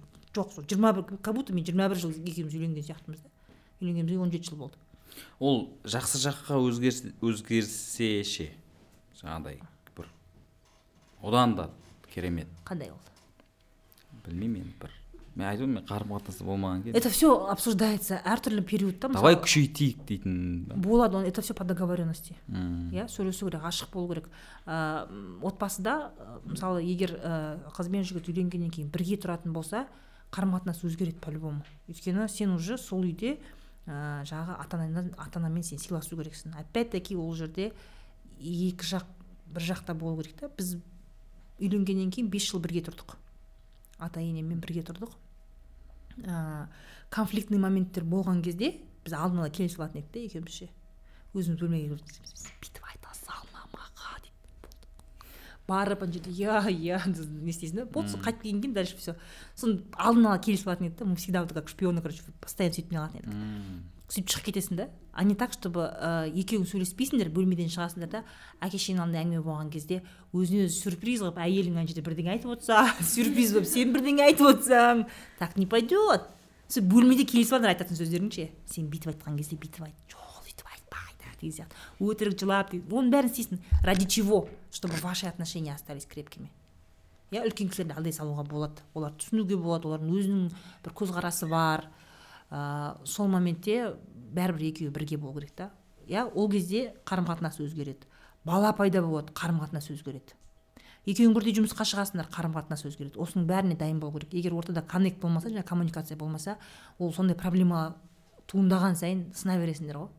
Ә, жаңағыдай неше түрлі жаңағыдай ақшамен проблема болуы мүмкін. Не істейсің сол кезде екеуің бірге болмасаңдар. Жеп қоясыңдар бір бірлеріңді мен саған бекер тидім оңбаған кезінде мұратқа киюім керек еді саған емес деген әңгіме кетеді да ол жерде ше жаңа біз ә, жаңа айттым ғой ә, әйелімізбен әйеліммен дос болып кетемін деген ә, таныстарым достарым көп. А, м- а менің өзімнің енді ойым көзқарасым үйленгенге дейін дос болу керек Иә. сияқты. Сол достықтан ең ә, мықты отбасы достықтан туындайды. Достықтан басталу керек. Иә достықтан туындайды. Ең мықты отбасы. Сонда ана қыздар дос болып қалайық дегенде ол шынайы нені ол жерде дұрыстап айту керек подписчик болып қояйық бір бірімізге айту керек қой. Бір бірімізді бақылап жүрейік. Иә бір бірімізге подписчик болып қояйық жаңағы айырылысқан кезде ше. Дос болып қалайық деген әңгіме өтірік әңгіме ол. Жүрген кезде дос болу керек еді да. Ол достық қарым қатынас қалай басталу керек? Сөйлесуден просто сөйлесуден бір бірінің ойын ой алмасудан. Без маски. Ұялмас бір бірлеріне ұялмай басында конечно сызылып жаңағы кафеге барған кезде ше бүйтіп вилкамен жеп пастаны ше бүйтіп вилкамен жеп бүйтіп жай шайнап деген сияқты. Ғой уақыт өтеді уже шайнаңдап жеп отырсың жесе. Сен тауыспадың ба әкел мен жей салайын деген сияқты. без комплексов. Ол бәрібір болады ертең үйленгеннен кейін де бәрібір сол әңгіме болады ғой. А енді жаңағы тағы наблюдениеден ә, достық қарым қатынас бірден болмайды. Және ә, қыз жігітке немесе жігіт қызға қадам басқанда екеуі де махаббат қалап тұрады да. Мхм. Бірден махаббат болған жаңағыдай бір бірінен не айырылмастай. Содан кейін жаңағы достық деген уже ол жоқ не рассматривается. Сол ана бумен ыстық енді махаббат қалайды деген не ол? Жаңа опять таки жаңағыдай ғой. Енді саған ухаживание жасап бүйтіп ас үстіңе түсіп жатқан ана жаққа бара жатқанда сен дос деп қарай алмайды ғой ана қыз уже. «М, жігітім дейді. И жігіт те уже енді мен саған ухаживание жасап жатырмын осыны осыны енді ты оның основасында бәрі дружба должна быть. Основасында дружба должна быть. Даже если ухаживание вот это әрине қыз баласының өзінің бір ә, көңіл бөлудің өзінің бір заңдылықтары бар определенный флирт бар деген сияқты да. Но все равно вот основа должна быть дружба доверие открытость. Онсыз өтірікте о- әрине бір екі күнде сразу болмайды бірақ уақыт өте келе жаймен сөйлесе бастап мысалы бір қызбен де таныссаң допустим бір новый сокурсницаңмен таныстың бірден күшті болып кетпейсің ғой сөйлесесіңдер да? На разные темы там смотрите. Қалай болады мынау не ойлайды екен тура сол сияқты ғой. Просто стереотип көп та. Қыз деген жігітпен сөйлескен кезде мынандай болу керек? Жігіт деген қызбен сөйлескен кезде мынандай болу керек деген стереотиптер көп да? И в этом всем теряется человеческие отношения. Адами қарым қатынас жоғалып қалады жаңағы стереотиптердің ішінде. Поэтому жаңағыдай ожидание көп қыздарда ожидание көп жігіттерде де ожидание көп. Ашық ә, айтса өз ойын уже в моменте сөйлесіп жүрген кезде келіспеген тұсында не келісуге болады немесе айырылысып кетуге болады да без драмы. Біз драманы жақсы көреді ғой. Драма куиндер өте көп қой. Дорама көреміз ғой. Турецкий сериалдар көреміз. Хотим копировать все это. Оның бәрі мейнстрим ол кинодағы нәрсе. Біз, біздің заманымызға мүмкін бізге оңай болған шығар конкретно маған айтатын болсақ бізде ондай сериалдар біз, біз не көремін секретный материал көретін мен. Менде дэвид духовный. Да. истина где то рядом. Ол жерде бір андай бір жаңағыдай қазіргі дорамадағыдай турецкий сериалдағыдай драма жоқ қой. Енді көп көп емес. Қазір тым көп қой қазір клиптар да көп. Конечно мы потребляем весь этот контент и біз реальность сондай деп ойлаймыз. Реальность сондай емес қой на самом деле. Это просто человеческие отношения. Қыздарды реальностьтан алшақтап кеткен деп айтуға бола ма онда? Сондай контентті тұтынатын? Иә. Онда басым көпшілігі сондай болып тұр ғой. Жігіттер де сондай ғой. Неге? Жігіттер де ғой сондай. Дорама турецк вообще көрмейді екен. Жігіттер ә, мүмкін ә, сериалдың контентіне тоймаса да ә, туған туыспен мамаларының контентіне тояды ғой. Әйел деген андай болу керек сен андай келіншек әкел өйту керек бүйту керек иә яғни сондықтан да жігіттер үйленген кезде как будто вот әйелді өзіне алмайды да ол. Ол мына жаққа алып әкеліп береді да лишь бы аузын жабу үшін. Содан кейін жаңағыдай әңгіме шығады. Мен ә, ата анама келін болатын қыз алғым келеді. Иә. Мысалдар көп қой. Ә, басқа бір семьяны көрді. Ә, келініне көңіл той- тоймады. Келін дұрыс емес екен деді. Содан кейін ол айтады а мына жақтың көңілінен шығу үшін осыларға ыңғайлы осылардың көңілінен шығатын адам табуым керек деп қызға бірақ мен айтамын да ол шындығын айтып отыр ғой. Ата анама келін болатын қыз алғым келеді деп шындығын айтып Иә. отыр өтірік айтып отқан жоқ. Типа негізі жар боласың бірақ келін деп айта берейін деп отқан жоқ қой. Шынын айтып жатыр как она есть? Иә. Но қыздар по другому түсінеді да оның переводы басқаша түсінеді қыздар. Қалай түсінеді? Мысалы да қыздар сендерге лайфхак. Жазып алыңдар. Егер например сен жаңағыдай келін емес именно жар болғың келетін болса жігіт саған мамашка үйлен деп жатыр акой екеуміз енді біраз болды жүргенімізге деп сөйтіп если предложениені мамашка әке шеше үйлен деп жатыр десе қаш. Потому что ол келін іздеп жатыр ол. Ол өзіне сүйген жар іздеп жатқан жоқ. Иә этот не мамашкаге мамашка қартайды деген әңгіме айтты ма? Болды. Если сен келін боламын деген сенде цель болм- болмайса болмаса все сваливай. Нужно это понимать. Сен ол жерде ол өзіне жар іздеп жатқан жоқ. Ол өзін жаңағыдай ата анасына күтуші іздеп жатыр. Вот адамды сөзінен тануға болады да. Если парень любит он скажет я тебя люблю я хочу быть с тобой иә бірге болайық деп айтады. Мен жарым бол деп айтады. Ондай емес қой қазір не пахан үйлен деп жатыр. Деген сосын айтады андай әңгіме айтады. Ағам үйленген ғой өткенде алдыңғы жылы ченгешік мамашканы расстраивать ете береді ченгешкі оңбады енді. Ақма сен бірақ ондай емессің ғой. Бұл точкаға тиеді ғой. Е мен ондай емеспін иә иә тұрып беремін қазір қыздар үшін. Сөйтеді да кетті ғой кетті. Вообще жалпы мен қыздарға мынандай фильтр айтамын да. Егер ә, сөйлесіп жатқан жігіт қыздар туралы негативті нәрсе айтса сен туралы емес басқа қыздар туралы негативті нәрсе айтса все қашу керек. Мысалы ағам алдында үйленген ғой. Жеңгешік нашар болып шықты негізі деген. Бітті до свидания ғой. Или там айтады да уа жасик деген жасик каблук қой қазір таппайсың жасик деген әңгіме айтты ма? Бітті. Все это значит он вот такой вот қарым қатынасқа однобоко қарайтын адам. Вот сондай бір сексист ол иә жаңағыдай. Әйел адамның орны қызмет ету бірдеңе жаңағыдай еркекке қызмет ету дейтін открыто сөйтіп айтатын жігіттер бар ғой. Маған қыздар жазады. Менің жігітім сөйтіп айтты ғой маған деп та. Әйелдің ә, жаңағы қызметі еркекке қызмет ету деген сияқты ма сондай бірдеңе айтады деген сияқты. Вот в этом плане нужно понимать адамды өз сөзінен ақ тануға болады да. А жігіттер айтады а что в этом такого? дейді. Бұда тұрған не не нәрседе. жалпы жаңағы ә, келін болуда және ә, ер адамға қызмет етуде қалай ол? Это же нормально деген это не сияқты. нормально она это же не рабство. бәрі сөйтіп айтып отыр. Рабство ол рабство ә, әйел ол это не емес. Қой құл емес қой ол. Иә ол үйленгеннен кейін ол сенімен бірге ә, это партнер по жизни. Қай бизнес партнерыңда сенің бизнес партнерың сенің қасыңда қызмет етеді. Ететін болса ол сенің қызметшің болады ғой. Ал егер ал отбасыға жалпы мен бизнес ә, кәсіп ретінде қарайтын едім да? Два бизнес партнера ресурстарын ортаға салады да содан бір определенный выгода алады да? Келісім арқылы. Мхм. Отбасыны бизнес ретінде қарайтын едім мен. Өйткені ол жерде де бар пиар бар. Пиар туысқандарға жаңағыдай ше. Семьяда өзі бір адам пиарға отвечает біздің біздің отбасыда күйеуім отвечает пиарға.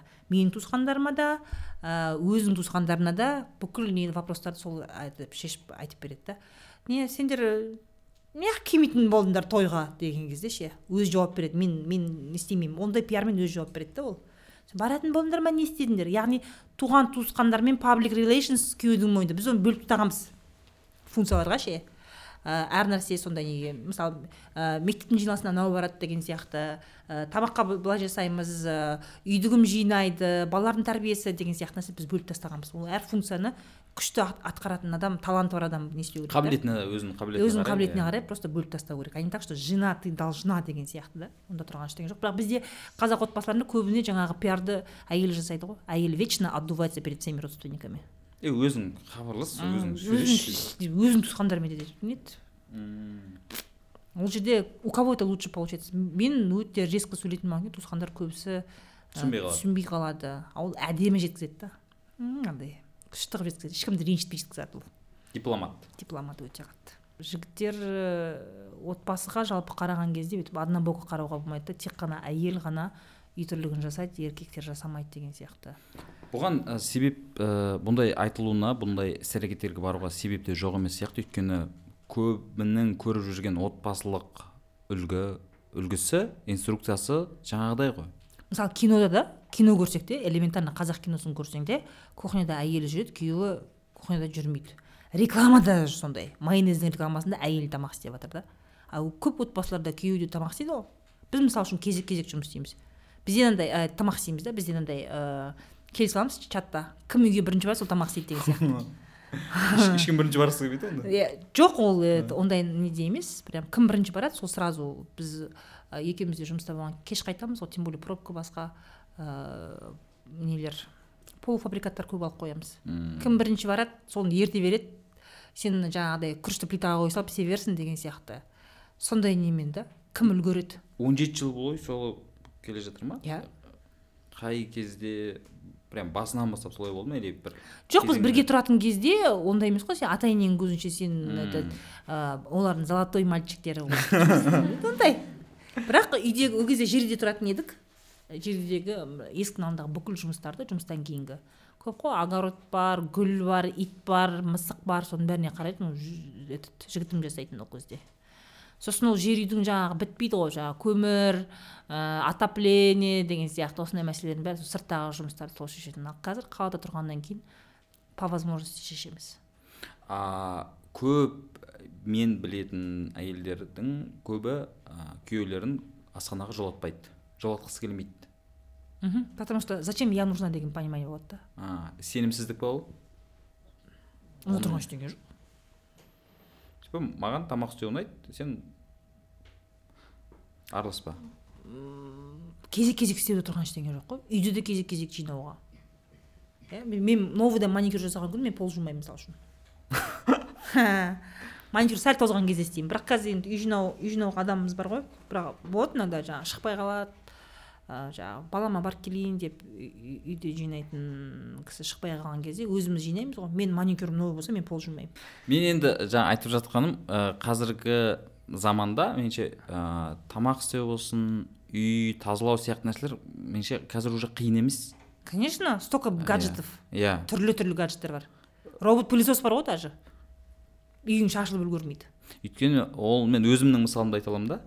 Иә, енді мен көрген отбасыларда жаңағыдай классикалық еді. И мен өсе келе қарап отырмын менде қатты ондай адамға қажеттілік жоқ. Иә. И мен сырттан тамақтанамын ә, Үйде бәрі дайын. иә пылесос бар. Қосасың жылытасың деген сияқты сондай. Жарты сағатта кірің жуылады. Глово вольт деген Иә. бәрін жасай саласың глово вольт жақсы болды жақсы поварлар. Иә. Иә. Былай қарағанда қазіргі кезде мына бытовой проблеманы себеп қылып ұрысудың өзі ол білмеймін бір топастық қой.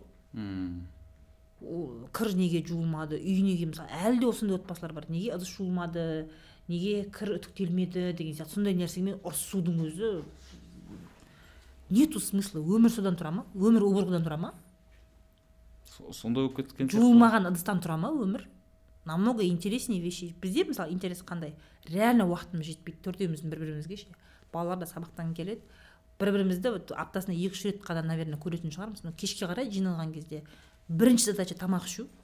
Келе салып кімнің қолы бос холодильниктен кім шығарады кім ана соны тез тез тез пісіріп тамақ жеп алып отырып демалу.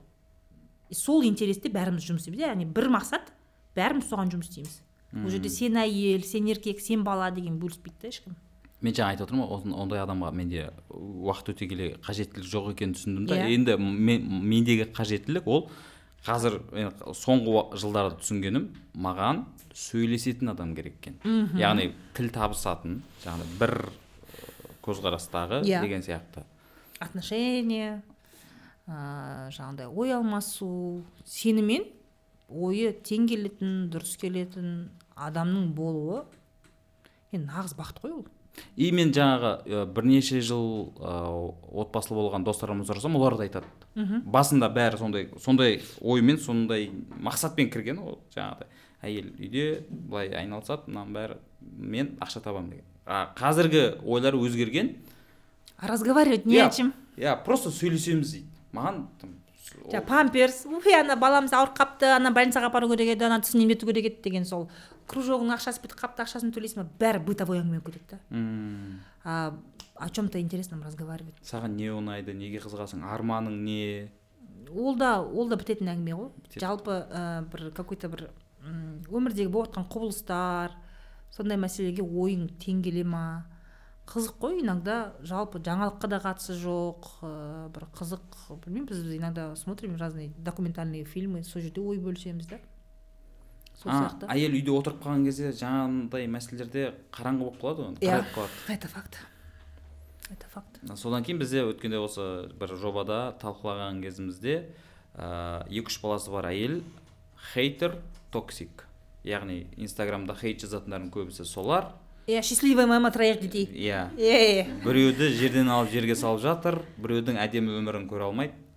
Ол оның бәрі бүкіл агрессия нереализованность эмоцияны шығармау өзіңнің арманыңа қолың жеткізе алмағаның үйде отырып қалғаның. Бірақ сен оны айта алмайсың. Қалай айтасың аузың бармайды. Дети это же святое. Ты же мать. Да вот это вот. Ә, әйел адам не үшін даму керек когда я так говорю жұмыс істеңдер отыра бермеңдер жыл сайын туып деген кезде хейт көп келеді маған өте көп келеді. Әйелдердің өздерімен жеп қойды айттым ғой әйелдің жауы әйел деп ше. Е сендер үшін айтып жатырмын. Осы рилсті күйеулеріңе жіберіп жұмысқа шығыңдар деген сияқты да. Но смелости не хватает. Иә үйде отырған әйел тупеть етеді ол факт. Және ол ер адамға қызық болмай қалады ғой. Ну өйткені как сказать ер адамға Да. қызық болмай қалады? Вообще жалпы қоғамға қызық болмай қалады. Адамдарға құрбыңа қызық емессің ғой даже кіммен сөйлесесің көршіңмен сөйлесесің ғой тұз бере тұршы тағы бірдеңе. Болды ғой сол енді ол жерден ә, оның сенің е, жолдасын шығару керек қой. Иә. Ер адам шығару керек. Он должен быть заинтересован. Мысалы ә, мақұл бізде айтады да ер адамдар мен отбасым үшін жауаптымын дейді да. Отбасым үшін ол сенің әйелің ол сенің бала шағаң хорошо. Жауаптысын тек ана ақша жағын қарайды да. Оның Иә, дамуы иә, оның дамуы оның денсаулығы оның көңіл күйі. Кім қарап жатыр оған? Кім қарап жатыр? Мә ақша мә ақша ту отыр кеттім иә естественно она не разговаривает она не развивается. Тебе с ней не интересно жұмыста небір қалшылдаған қыздар жүр на любую тему разговаривает там была тут была. Оксфорд оқып келген MBA оқыған небір қасқыр қыздар жүр да? Конечно оның қасында жаңағы созып кеткен хат келген сенің әйелің вообще не вы- выигрывает вообще. кеткен. Да. да. Ал, ал негізінде қарасаң ә, реально дамыған бұл сондай оқыған нарықта сұраныстағы маман сондай әйел даже бір жыл екі жыл декретте отырса да ол өзін жоғалтпайды. Жаңағыдай үстінен тамақтың иісі шығып кетсе де ол ана әдемі әңгімесін ұмытпайды да. Для тебя это будет родное. Но если она в этом состоянии по 8 по 10 лет ну извините ничего не спасет уже. Декреттен он он бес жыл шықпаған әйелдер бар ғой. Мен соларды маугли деп айтамын сол үшін маған көп хейт несі. Неге маугли? Айтайын ба? Маугли егер киплингтің романынан ғой енді. Иә ә, не істейді ол? Адамдардың арасынан ә, алшақтап кеткен? жоғалып кетеді да? сөйтіп қасқырлармен бірге жаңағыдай адам тілін түсінбей адам қоғамынан алшақта дамиды маугли иә? Ә, әйел адам 10 жылдап 15 жылдап декретте отырған кезде сен қоғамнан түсіп қаласың. Сен мауглисің кәдімгі. Сен не болып жатыр сыртта? Адами қарым қатынас коммуникация жұмыста не болып жатыр? Тренд. Өз мамандығыңдағы трендтер қалай болып жатыр? Ақша не болып жатыр? Экономика қалай дамып жатыр? Нарықтағы тенденция қандай? Оның бәрін білмейді ол. Все она выключилась. Мауглисің я про это и говорю. Когда ты долго сидишь дома сен маугли болып кетесің. Әйелдер көбісі былай түсінеді да мен төрт балам бар мен мауглимін дейді. Жоқ бар да төрт баласы болса да арасында жұмыс істеп онлайнда болсын ақша тауып адамдармен коммуникациясын жоғалтпай дамып жүрген әйелдер де бар. Маугли еркектер де бар ғой. Но я их называю диванные водители. Диванный водительдер. Диваннан тұрмайтындар ғой. Иә пульттің қожайыны. Ондайлар бар ма әлі? Бар. Менің менің ә, сіздің әлемде жоқ ол. менің қиял қиялымда деймін ба? Менің Эк- сіздің экосистемада жоқ ол. Иә олар баяғы заманның адамдары сияқты болып көрінеді да. Кезіндегі бір ауылға бармайсыз ба сіз негізі? Мен барып тұрмын ауылға арасында. Шабыт іздеп жоқ өткенде ғана барып қайттым біздің ауылда жатқан еркектер жоқ. Сіз ондай үйлерге бармағансыз ғой. Надо наблюдать. Мен ең жақсы көретін жұмысым мысалы мен интровертпін. И көпшілікте ә, вроде бы мен сөйлескенге бәрі экстраверт деп ойлайды да. Мен негізі интровертпін. И көпшілікте мен анандай бұрышта отырғанды жақсы көремін мынандай бұрышта бақылап отырамын да. И әр адам не деп жатыр не сөйлеп жатыр. Мынау мынаны айтқан кезде оның ойы қандай болды оның әрекеті қандай. Былай бүйтіп қарап шығамын қолындағы телефонын примерно оның жаңағы киімін жаңағы көкелер бар жаңағы телефон не істейтін олар не киеді анау? Мындай ою бар жилетка киеді примерно примерно анау неден киттен келген ше? примерно той тойда неден кигізеді ше. Соған қарап білуге болады да құдалыққа барған кісі деген сияқты. Да бәрі это все ыыы кәдімгі не сияқтысың ғой ана шерлок холмс сияқты ше. Маған сол нәрсе ұнайды. И мен ауылға барған кезде мен соның бәрін көремін. Элементарно көрінеді. Диванный водительдер өте көп. Жаңағы ше мақұл таксисттер ше. Ер кісіге қайсы кәсіпкер осы айтып еді ер кісіге ең жаман а, ең жаман мамандық ол таксист деп айтады. Таксист және охрана дейді. Иә. Бірақ ә, сондай пікір айтқан кезде бәрі жабылады ойбай енді ол құр жатқан жоқ қой табысын тауып жатыр ғой істеп жатыр ғой бірдеңе. Не істеп жатыр Ба- енді басқа жұмыс таппаса не істейді дейді. Білесіз ба жұмыс берушілер жұмыс берушілер маман таппай сабылып жүр ғой жалпы міне жұмыс іздеп бізде қазақстанда жұмыс жоқ жұмыс жоқ деп жүргендермен сотрудник жоқ дегендер екеуі кездеспейді бізде. Мына вообще әлем әртүрлі әлем. Иә сұраныс жоғары. Я согласна с этим сұраныс жоғары. Енді мыналар талпынбайды ғой сол сұранысты жабуға. Өйткені тезірек жетістікке жету керек. Ну таксиде енді қанша табасың күнде? Сколько?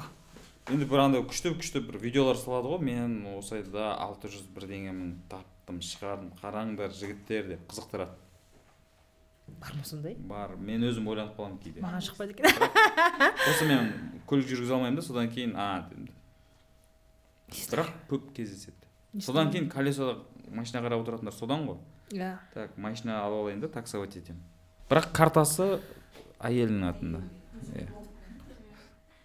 Ер адамдардың көбісі ә, жаңағы неге өтіп кеткен коллекторскийге өтіп кеткен. А, мен Өте көп. айтсам әзілдеймін ғой енді кейде оған күлуге болмайды дейді. Неге күлуге болмайды? Типа это вынужденная мера. Это не вынужден человек сам ешкім ешкімді не вынуждает. Определенный бір қаржылық осындай проблемаға келсе адам оған ол өзі келді. Не жизнь его вынудила. Жауапкершілік ал, алғысы келмегендіктен ол иә айтады өмір сондай ол экономика сондай ол мемлекет кінәлі ол тоқаев кінәлі ол жаңа қазақстан әлі келген жоқ. Сол нәрсе ғой әңгіме. Ал негізі әр адам өзінің әрекеті үшін жауап береді.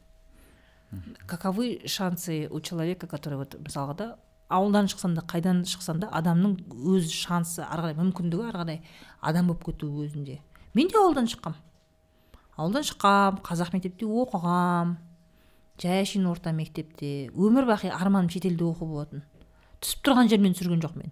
Нұрмахан Мұқанұлы YouTube каналында админ анон подкасты енді жаңа мәселе жаңа қыздар даму керек ыыы, өзін жаңағы білім алу керек жағдайын жасау керек. И көп сондай қыздардан естиді не маған күйеудің не керегі бар дейді.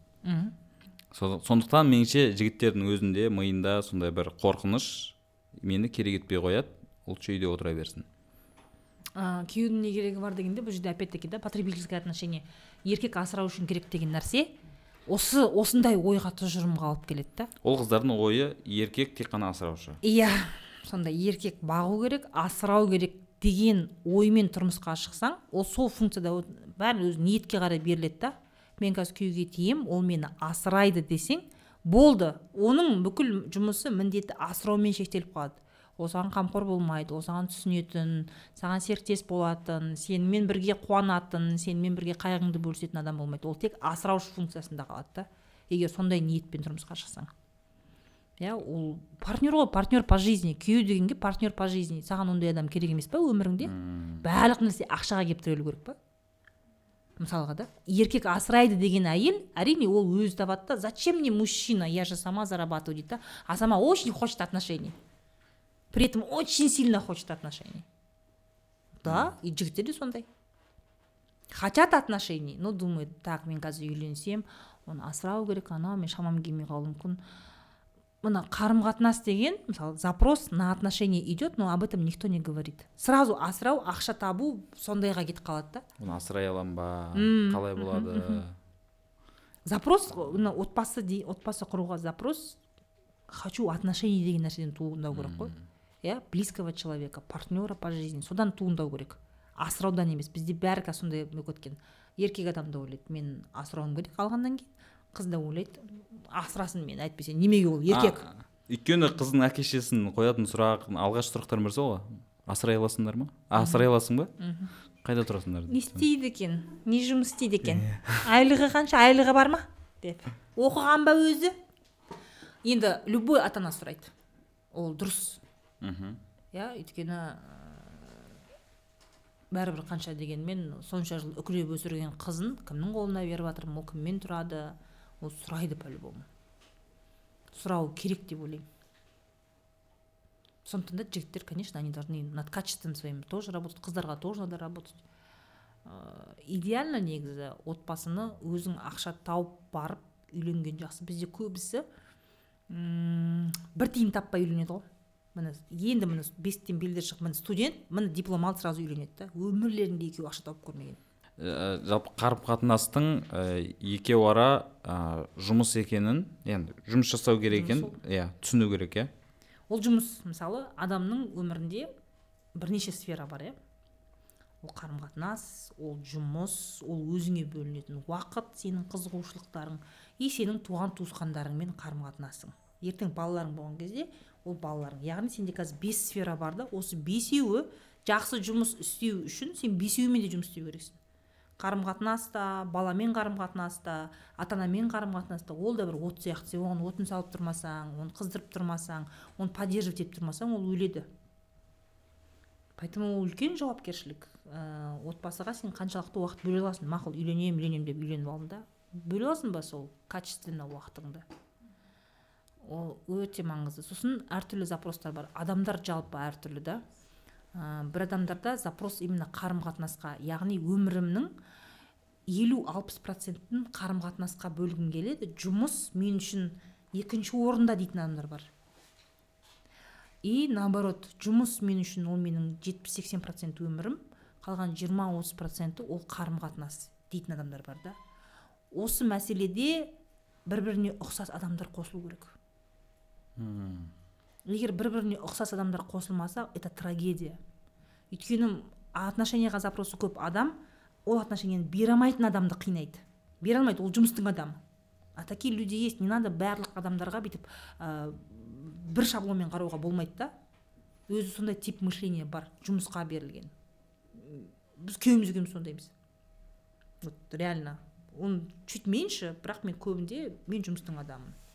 Ондай адамдар бар да и бізде көп түсініспеушілік сондай болады. Осындай мен көп кәсіпкерлермен де кездесемін әйгілі адамдармен кездесемін жаңағы өмірлерінің жетпіс сексен проценті инстаграмдағы блогына арналған ә, бизнесіне арналған ә, қарым қатынасқа уақыт жоқ но қарым қатынасты хочет. Неге? Өйткені оның өмірінде кездесетін адам жаңағыдай қарым қатынасқа запросы үлкен адам. Иә? Неге сен маған жазбадың неге қарамадың? Біз не бүгін ужин ішпейміз ба ә, сен маған қарап күлмедің деген сияқты. Көп қой енді сондай запростар да өйткені ол қарым қатынастың адамы для него это важно. И это окей. Просто қарым қатынастың адамы қарым қатынастың адамын табу керек та. Ал жұмыстың адамы жұмыстың адамымен бақытты болады. Екеуі келісілген уақытта календарьға қойдың ба осы суббота кездесеміз ба? Болды суббота кездесеміз. Вот вот такие отношения должны быть. Вот сол кезде вы не будете друг друга травмировать. Өмір рахат сол кезде. Зачем усложнять жизнь иә молаға көріп қалай жүгіріп қажет не? Келмей ма? Болды оның запросы қарым қатынас па? Жаңағыдай неге жазбадың смс бірдеңе деген нәрсе. Все вы просто не подходите друг другу. Қинамаңдар бір біріңді иә енді мына онда отбасыны бірінші орынға қоятын қыздар немесе әйел азаматтар ә, ер адамның да дәл солай отбасын бірінші орынға қалайды қойғанын Иә. қалайды. Бірақ сонда ә, бұдан шығатын там логика бойынша онда ол жігіт отбасыға көбірек көңіл бөл- бөлу керек та жұмысқа аз уақыт бөлу керек бірақ көп ақша табу керек. Көп ақша ә, жоқ олар аз жұмыс істеп көп олар семейный бизнес жасау керек. А мхм. Олар семейный бизнес жасау керек. Өйткені олар бір бірінсіз тұра алмайды ол сағынады ғой. Вот им надо семейный бизнес делать. Екі бизнес ауыр емес па? Енді жаңағы отбасын да бизнес деп қарайтын болсақ. Енді бірге дамытады ғой параллельно дамытады. Иә екеуіне де қарым қатынас важно екеуі бір салада жұмыс істеу керек. Немесе бір компанияда жұмыс істейтін қызметкерлер болу керек та. Өйткені олар бір бірін жаңағы көріп отыру керек бір бірін ше примерно ана жерде немесе ана келесі бөлмеде отырғанын біліп отыру керек та ол. Ал жаңағы қарым қатынас не важно дейтін адамдар оларға не важно олар бір біріне сенеді. Қаланың қай бұрышында жүрсе де жұмыста жүргенін біледі. Болды. И спокойно. Бұл уже есейген адамдардың қарым қатынасы Иә. иә и жалпы отбасыға осындай есейіп аяқ басқан дұрыс қой. Без драмы. Саналы түрде есейген саналы санасы? иә саналы түрде есейіп. Әр нәрсенің өзінің жаңағыдай бизнес ақша табу деген мәселеде ақшаның мәселесін шешу ең оңай нәрсе ғой. Вот қарым қатынас қиын ты потому что человека не переделаешь. Жаңағы бір біріне сәйкес келмейтін адамдар үйленеді ода- ол адам бала туады. Не істейсің? Бәрі ажыраса бермейді. Қиын да. Мысалы айтады да мынандай жақсы сөз бар да адам өмірде екі нәрседен қа- қателеспеу керек дейді да. Ол бірінші жар таңдауда екінші Иә. мамандық таңдауда. Мамандықтың негізі жарасы жеңіл қазіргі кезде кез келген мамандығыңды оқып алсаң болады да вот жар таңдауда қиын. Потому что не хочется разводиться. Адамдар ажырасу үшін үйленбейді.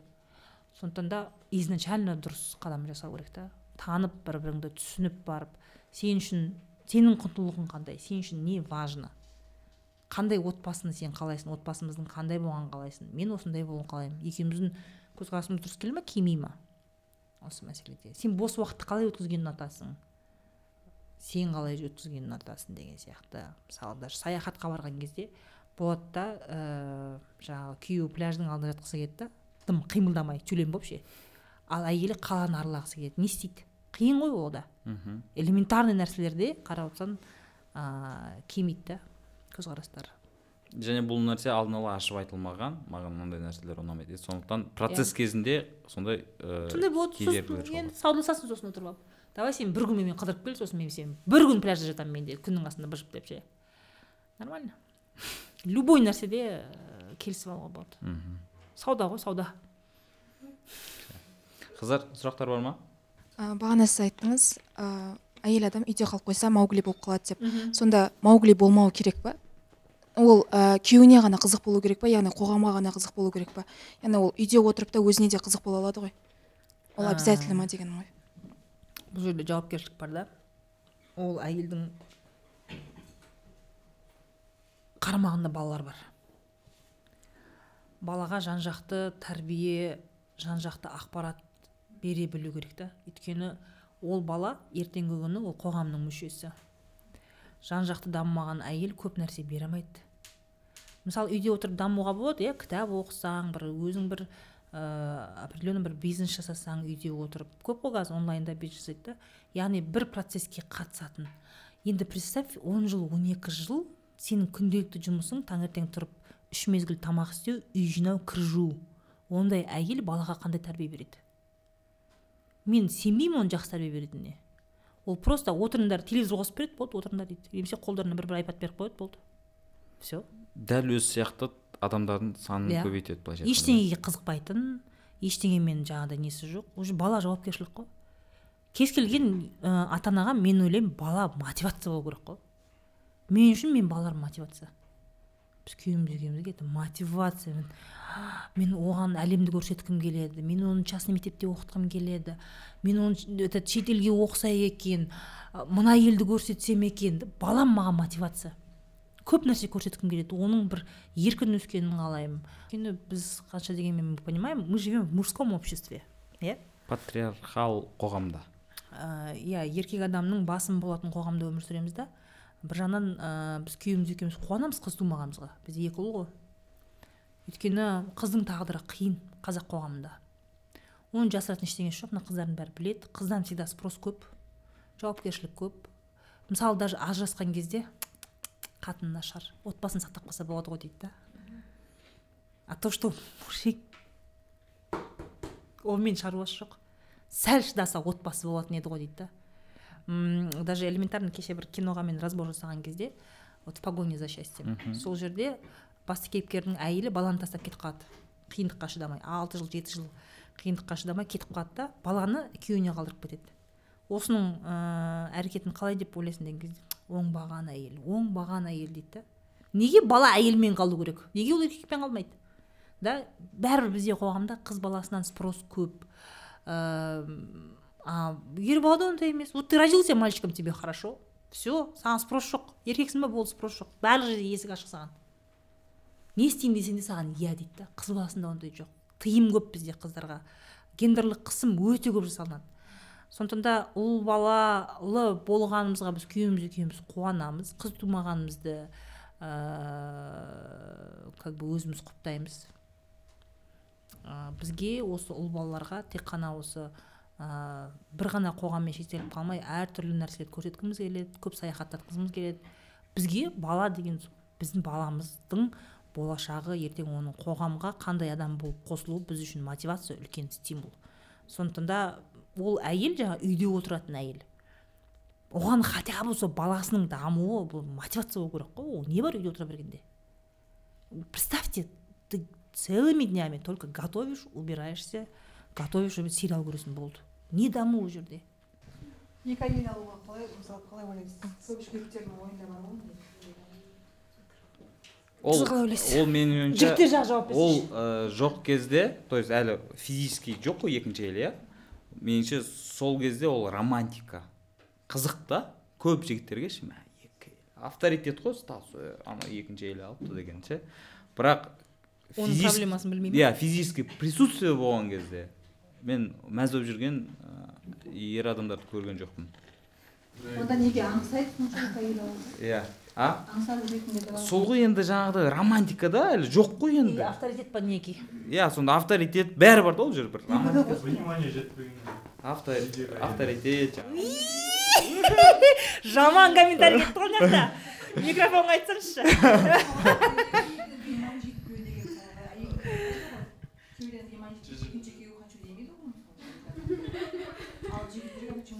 сол жаңағыдай ол, ол мәселе жаңағы коммуникацияның болмауы ғой. Екеуі бір біріне не қажет екенін ашық айтпағандықтан бәрі сырттан іздейді. Сырттан сырттан іздейді да и қоғам еркек адамға почему то руки развязал әйелге не развязал. Почему әйелге екі күйеуге шығуға болмайды? Мен да? Но жалпы егер былай келетін болсақ ер адам неге екінші әйел туралы әңгіме айтады? Жалпы ол идея қайдан шығады? А, біріншіден а вариант. Жаңағыдай авторитет көреді. Ол күшті ол менің бір ер, еркектігімнің бір, бір мықтылығымның бір көрінісі деп ойлайды да. А, екіншіден осы арқылы бір ә, реально жаңа потребность вниманияға байланысты. Потребность соны жапқысы келеді а оның артында не тұр? Оның артында сенің қарым қатынастағы проблемаңды шеше алмағаның тұр. Ер адам қарым қатынастағы проблеманы шеше алмайды бізде қазақта. Қазақтың ер кісілері шеше алмайды. Легче убежать найти новую жену как будто друг, другого этот не болмайды. Да жаңағы бывшийларын іздейтіндер бар баяғы жүрген қыздарын іздейтіндер бар. Ол ажырасып кетсе вообще песня ғой. Ажырасқан болса баяғы бывшаясы «У-у-у!» баяғыны еске алып соңғы кезде көп ойланамын сені алуым керек еді деген сияқты әңгімелер кетеді. Сосын бізде мынандай мәселе бар да. Мысалы ер адамның изменасы көп көрінеді қоғамда иә? Еркектер изменяет деп на самом деле процент бойынша тең ғой. Женская измена мужская измена екеуі тең просто біз еркектерді көп ұстаймыз да әйелдерді ұстамаймыз ғой иә почему то вот есть ә, изменщик мужчина сахнада бар да а любовницасы көрінбейді это очень редко. Кім оның любовницасы кто с ним встречается? Енді жас қыздарды көреді. Жаңағы жаңағыдай не айфон жаңағы неге қызығып жүретіндер. Айфон әпереді сонымен жаңағы машинасына мініп жүргеніне риза болып ондай қыздарды көреді окей. Но большой процент ондай жас қыздар обычный еркекке қарамайды ғой обычный еркектердің қаншамасы жүреді кіммен жүреді вопрос. Кто видел их? Никто. А процент измен он одинаковый. Практически одинаковый. Ә, сосын жаңа мысалы үшін ә, сіз айттыңыз ғой ә, ер адам тек ә, жағдайын жасау ақша деп ойлайды жаңағы екінші Иә. әйел ол жағдайын жасасам болды деп. Ә, енді ол жаңағы өзінің алғашқы әйеліне көңіл бөле алмаса там, ухаживать ете алмады иә жалпы ақшадан бөлек темамен оның көңілінен шықпады. Бірақ дәл солай екінші адамға жасайды деген қаншалықты ол сенімсіз сияқты. Өйткені ә, пример бар ғой сен уже Иә. бір әйел адамға ондай нәрсе істей алмадың. Екінші әйел ол нәрсеге сену керек пе? Се- сенбейтін то же сияқты. Самое бірақ сенеді көп жағдайда. Алданады да өз өзін алдайды. Алдағысы келеді тигісі келеді соған ше. Өзгереді деп ойлайды уже бір рет аузы күйді одан кейін қояды деген сияқты. В целом адамдар негізі өзгермейді. В общем и в целом адамдар былай резко өзгермейді. Такого не бывает. Ол сол жас кезінде қандай ол үйленгеннен кейін де сол ол екінші қатынасы да сол үшінші қатынасы да сол. Глобально өзгермейді одно и то же все равно. Кейбір мінездері әдеттері өзгеруі мүмкін бірақ привычка но глобально өзгермейді. Мм, өйткені психотип солай қалған тип мышления солай қалады ә, жаңағы темперамент солай қалады. Одно и то же это. Иә білімі өзгеруі мүмкін кейбір әдеттері өзгеруі мүмкін бірақ глобально адам өзгермейді. Ал егер ол жаңағы екінші әйел алғысы келген жі- жігіт ер ел ә, жігіт, жігіт ағасы дейікші. Жағдайында жасап жатыр көңілді бөліп екі жаққа бірдей. И алса это норм. Айтып отырмын ғой жаңағындай отбасылар бар ғой где окей. Мм, бірінші әйелі де жаңағы айтады да. Окей ала бер деп. Екеу алсаң да үшеу алсаң да бұл жерде келісімге байланысты. Проблема қай кезде? Әйелі келіспейді әйелінің келіспегеніне қарамай екінші әйел алады. Вот это вот большой конфликт. Келісіп иә ала бер болды. Ну, сен понедельник среда пятница біздің үйдесің. Ана жақта сосын деген сияқты бөлісу это норм- мен көп ондай отбасыларды білемін. Ә, екінші әйелдікке барған әйелдің құқығы ә, бізде қорғалмаған өйткені заң бойынша ондай рұқсат етілмеген. Рұқсат етілмеген. Бірақ әйел Мм. бірақ неге? Сондықтан да екінші әйелдің ешқандай қаржылық құқығы қауіпсіздігі қорғалмаған. Ә, даже мынандай позорный нәрсе бар да екінші әйелден туған балада. Ол некесіз бала болып есептелінеді ғой. Загстен қағаз жоқ қой. Өйткені неде свидетельство о рождении беретін кезде сол документ сұратады ол жоқ па? Онда күйеуі келеді да я подтверждаю свое отцовство деген позорный унизительный қағаз береді понимаете это это ребенок вне брака и сен некесіз баланы туасың да и ол еркек келеді да иә мынау менің балам деген подтверждение береді. Осындай унижениеға көнеді.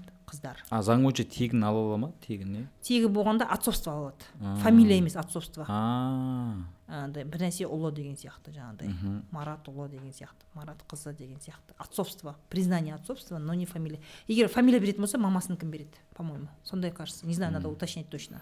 Просто мараттан кешірім сұраймыз бірақ мысал иә ретінде поэтому ол әйелдердің құқығы қорғалмаған. Егер имущественный допустим алда жалда жаңағы күйеуі өліп кететін болса бірінші әйел бүкіл дүниені алып қояды өйткені ә, жаңағыдай в браке даже күйеуі екінші әйелге үй әперсе это дом купленный в браке с первой женой. Машина купленный в браке с первой женой. Алады бір күнде сыпырып алады бала шағаң бар ма басқа ма? Первая жена всегда это сделает. Она их ждет когда я смогу это сделать? Дейді. она это всегда сделает. Редко когда ойбай мынау этот не ғой деп бір в общем түбінде проигрышта әйел адам ғой екінші әйел. Иә. Сондай бүкіл нюанстарын біліп алған дұрыс сияқты. Конечно. Иә. Иә бүгінгі осындай керемет әңгімең үшін көп көп рахмет сізге. Рахмет. иә жиі жолығып тұрайық. Осы нұрмұхан мұханұлы ютуб каналы админ анон подкастында ә, жалпы ә, келгендеріңізге көп көп рахмет. Ә, келесі кездескенше.